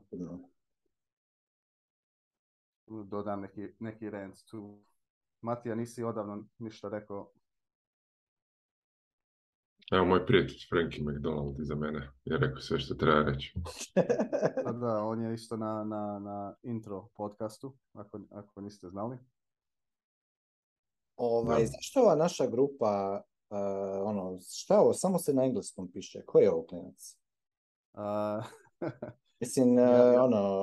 Mogu, ne znam da li bi trebali sad, ne znam, pričati o tome, ali da, ima, neki, ima neki ljudi koji su... Ima nekih likova iz bajke kojima treba, ono, e, get, get normal. Ono, trebali bi, viš, trebali bi pričati na, na našem jeziku, jer ljudima treba, ja isto, ja grešim sa ovim, mislim, ja, ja s vama tu pričam ono polu engleski, ono, jer mi je tako lakše. ali ovaj, ali trebali bi, trebali bi se potruditi da, da, da prevodimo. Mislim da, bi, mislim da bi nam to bilo dobro. Pa, bar koliko god može, mislim, ima neke reči koje nisu toliko već se koriste. Mislim, software i hardware, to, to se već koristi na našem, ali to su kao isto engleske reči. Evo, ja dajem sebi jedan žuti, žuti karton, ono, guzičarski, jer previše engleski pričam. Puno vremena provediš sa Sefidinom, pa ono... Ali braš, tvoj, ti, ti tako lijepo, ovaj, ti imaš ono, oba dva jezika u biti, onako, pa pomaže ponekad, u ovoj situaciji ne pomaže toliko. Um, mislim, neke stvari ono mogu lako da prevedem, vi razumijete, hvala Bogu. nekim danima mi je mnogo lakše, nekim danima mozak mi ne radi kako treba. Nešto mi se čini, možda trebam više mesa ono da jedem uh, kamatija. Ali, e, da, ne znam, malo mi je lakše sada, ali još imate tehničke reči koje se no, najteže. Uh, I to osnovno sam dosta dobro razumio na, engleskom i sad trebam samo to da prebacim. Sad koliko će to vremena trebati, ne znam, ali vidjet ćemo. Da, imam jedan, jedan, jedan prijedlog. Pavel stalno spominje, prebaci se odmah na Bitcoin standard. ako prebaci se odmah na, na, na bolju hranu, znači sljedeće, e, od zadnjeg obroka 16 sati nek prođe, koji god nam dio, biti ne ovako, resetiraj se potpuno, nije važno. Sutra u 16 sati na popodne, Dobro. prva stvar, uh, jedno 5-6 sirovih jaja popit, direktno, Dobro. ništa drugo. Dva sata kasnije, uh, e, 300 grama jetre, nek bude onako laga, lagano krvava i to je dosta. To radi tri dana za redom. Dobro. Nakon toga, nakon toga uh, umjesto jetre zamijeniti nekakav e, kat e, ono, sa, sa leđa nekakvog mesa. I to je to. Znači, kasnije to povećati, ovisno o potrebama kalorijskim, ali prvih par dana nek to bude nisko. Jer ovo što sam najao, najao 300 grama jetre i pet jaja, to može ići, ono, neko ko ima 50 kila, bit će ok za kalorije. I kasnije onda kalorijski povećavati. Ali stvar koja to radi, kao što Bitcoin standard je spiritualno promijeni, E, ovo e, te promijeni mentalno, izoštri. E, ne, ne, ne znam, prvi put sam, sam dobio takav osjećaj istovremeno nevjerojatno, znači ti si prije Pavo pričao o gladi. Dobiješ, dobiješ takav osjećaj u tijelu i umu da nikad nisi gladan niti sit. Sve je uvijek taman lijepo. Možeš teoretski jest mesa koliko god želiš, ali ne želiš previše. Znači, blagostanje, savršen balans. Tako da, pet, šest sirovih jaja, samo popit. Znam da možda je ljigava, možda ovo, ono, začepi nos, istrpi 30 sekundi, to riješi. Jetra, slična stvar. I, i nakon ovaj tjedan dana, ne treba ti šest mjeseci za zero base budgeting, ovo si nakon, nakon tjedan dana tako se Kažeš, to je tako quick fix, a? Znači, tjedan e, dana možeš sa, sa Moram samo upozoriti. E, samo ti treba dobra jaja i dobra jaja. Samo moram upozoriti na, na jedno mjesec, dva, e, ajmo reći da, da, budem ovaj, e, ne previše grafički, treba potrebna prilagodba za porovni sustav. Znači, to se ne može, to se ne može ubrzati. Znam, Tako znam, da, E, ali što se tiče osjećaja gladi, mentalne jasnoće, taj tri do pet dana i to je to. Šećerni onaj, e, ona kriza šećerna dođe nakon tri dana najgora, e, ali doći će ovako i prije. Znači recimo prvi, drugi, treći dan, sljedeći, znaju ljudi imati kod imaju gripu, boli glava, znači da, nisu, zato što tijelo misli gotovo, umiram, nema glukoze, gotovo je, ništa, zbogom svijeta. a onda se kasnije presvića na, na, na... Tako da, za bilo koga, čak i ako se kasnije vratiš na staru hranu, vidjet ćeš onda, onda tek usporediš kako je ta, ne znam, tuba Pringlesa e, ukusna tih, tih, tih 10-15 minuta i onda cijeli dan je upropašten zbog nje. To ti kao, kao, kao kad ono, posudiš, e, posudiš, ne znam ja, e, tisuću eura za nešto i kao kako super, sad si odmah nešto kupim i onda isplaćaš to sljedećih šest mjeseci. paralele su tu. Joj, da. Znaš šta imaš pravo? Matija, e, češće malo mi to ovako reci, jer e, ja mhm. sam kao praščić neki. Ja mislim da si ti spreman da, da, da, da počneš. Gle, pa ovo. E, dobro, da, sad je možda prerano, sad je možda prerano za sljedeći dan u 16 sati, to bi bilo ono nekih 28 sati posta, to je malo žestoko za prvi, za prvi dan. Danas jedi kako spada i sutra se probudi i do 16 sati ništa, samo vodu. E, to je to. Jaja. Jaja nabavi neka e, lijepa, fina domaća. Nemoj ova ove, ove, Aha, ove, da, da. Da, to ako možeš nabavi i to je to. je si tjedan dana. I onda vidiš. E, baš sirova moraju biti. Ne moraju, ali to je ono jako praktično. Ali budu barem, barem te, ono, polutekući rani žumanci. Aha, kao na oko. Da, nema, nema ih prepeći. Možeš i Kajganu, ali nemoj da baš bude ono, da se ne počne sumpor oslobađati. Ha. Znaš ono, kad se, kad se tvrdo kuha na kuhaju, pa predugo, pa onda zeleni žumanak, žutanjak. A, dobro, dobro. Mislim, to, to se rijetko kad radi, ali to, to, to izbjegavati. Ne zato što će postati toksična, e, nego zato što iskuhaš previše nutrijenata iz I još jedan, još jedan uvriježeni, uvriježena dezinformacija što znaju čak i neki ono fitness influenceri, bodybuilderi, bacati žutanke i samo biljanke jesti. Istina je da su biljancima proteini, ali žutanci su ono izvor svega što je dobro na ovom svijetu. Tako da, i one laži, e, jaja su puna kolesterola, umrićeš od začepljenja žila, to je sve, to je sve ovaj, e, laž. Da, Kolesterol je štetan kad je kombiniran sa nekim drugim stvarima, ali ako to izreguliraš, ali čak i ako ti jaja nisu fina, evo samo da došim, da. E, jetra i, i meso su dovoljni. Znači možeš ići znam, ono, Da, da, da, safedin mod. Mene znam, ja šta, šta je to je, ovaj, apsolutno, ja ću, rekao je ovaj Nik da kad oni rade te health coaching i to da je jedan od pillars of health i kao community, odnosno da ni, ne ideš u to nužno sam tako da evo, možda bi bilo, evo, baš ću baš Znaš šta, napravit ću ja tako, ja ću ipak, napravit ću ja neki komitment ovdje, pa da vidimo onda za sljedeći tjedan, kad budemo se mitali u petak, da, da donesem report, evo, znači do petka, e, da probam barem znači, jedan taj tjedan. Ono, da, da, da. Food journal napraviti, health journal, evo, baš ću, baš ću, baš ću napraviti, evo, to je dobra, dobra stvar neke dijete su ono stvarno komplikovane, ali ovo ne može reći da je ovo baš komplikovano, bukvalno popiješ apsolutno nije, ne, ne, ne, znam i, ja da...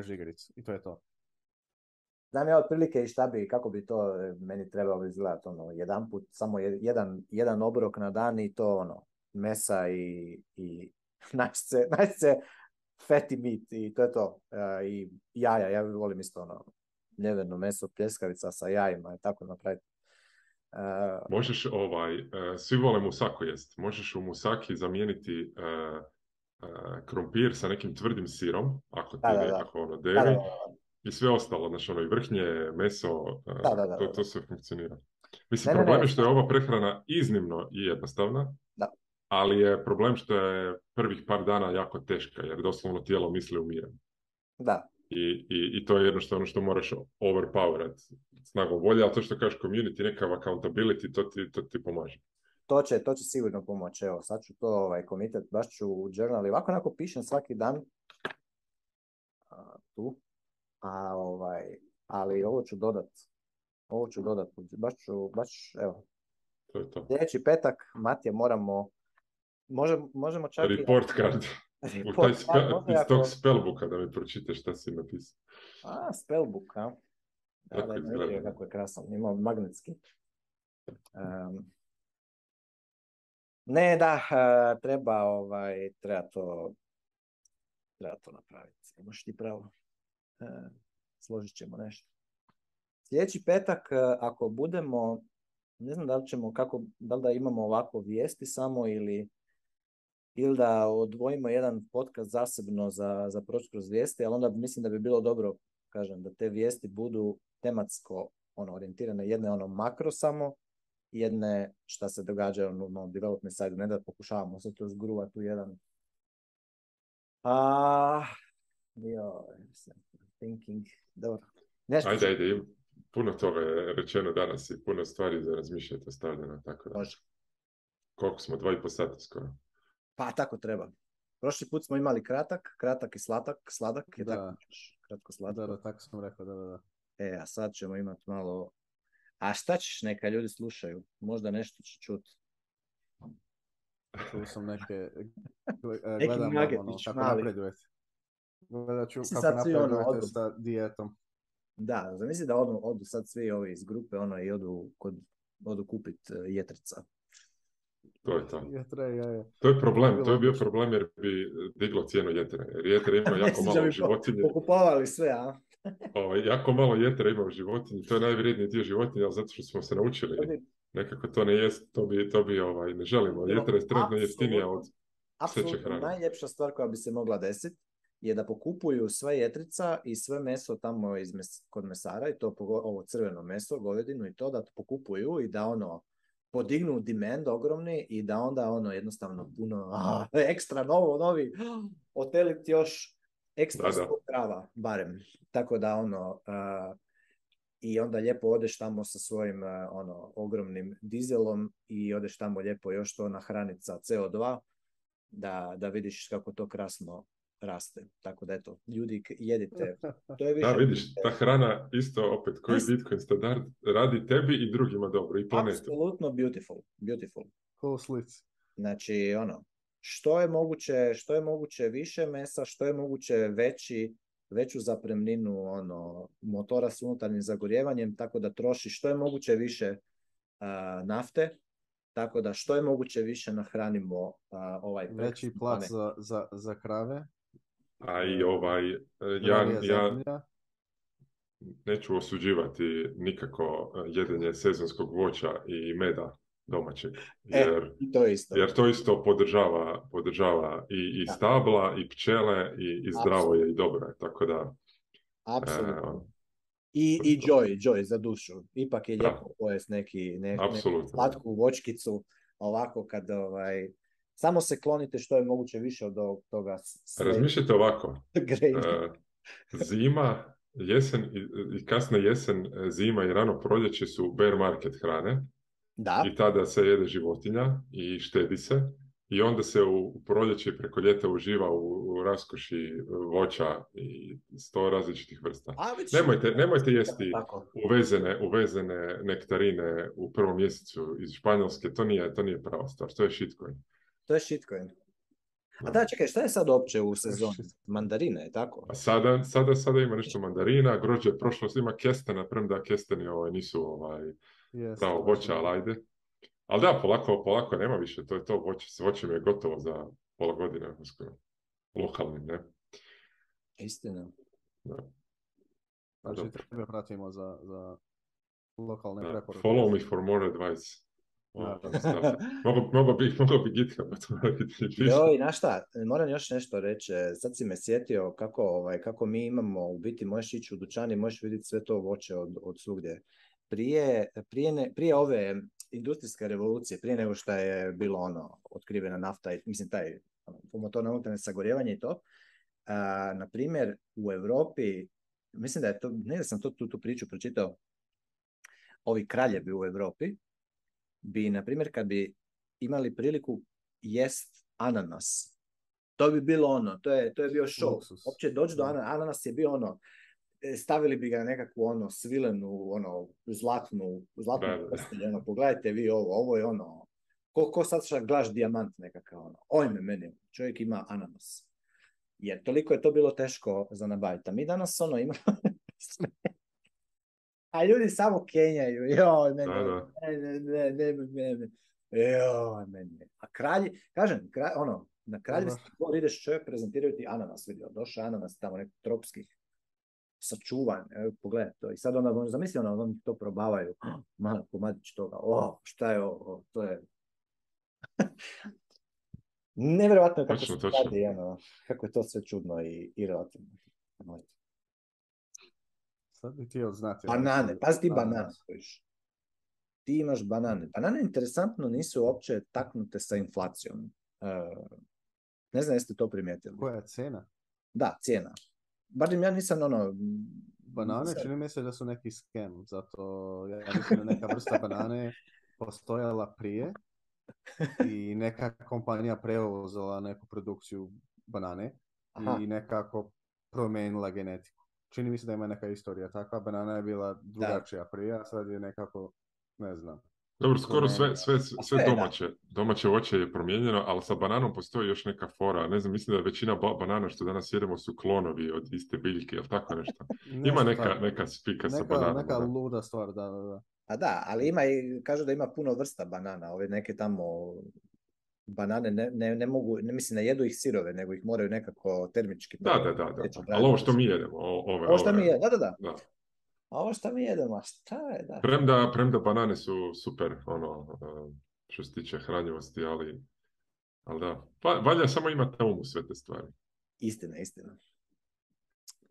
Ništa, dobro, dečki, e, sljedeći petak se vidimo sa, sa mojim reportom ja sam sad ono, e, uvalio u, u, ono, u commitment. A ovaj, ako sad... Evo, danas još uživaj. Danas je kraj dana. Da. Sad si naručio ono, jumbo picu, četiri komade torte i, da, da, da. to je to. Da ti bude slabo za sutra i onda taman da, da si bolje motiviran. Može, može. E, uglavnom ništa, ajde, onda ćemo ovo klozat. Dva i pol sata smo od, od radili, što je super. Ja vas pozdravljam.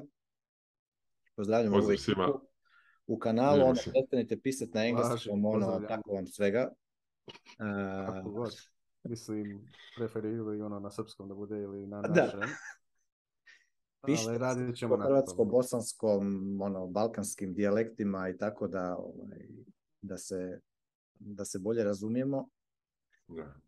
Pričaj bre srpski da te cijel svet razumije. Tako je, da. I ako ovaj, stigne, ako stigne ovaj, da. ovdje na podcastu, onda će znati. Ajde, pozdrav svima. Ajde, ajde. Čao,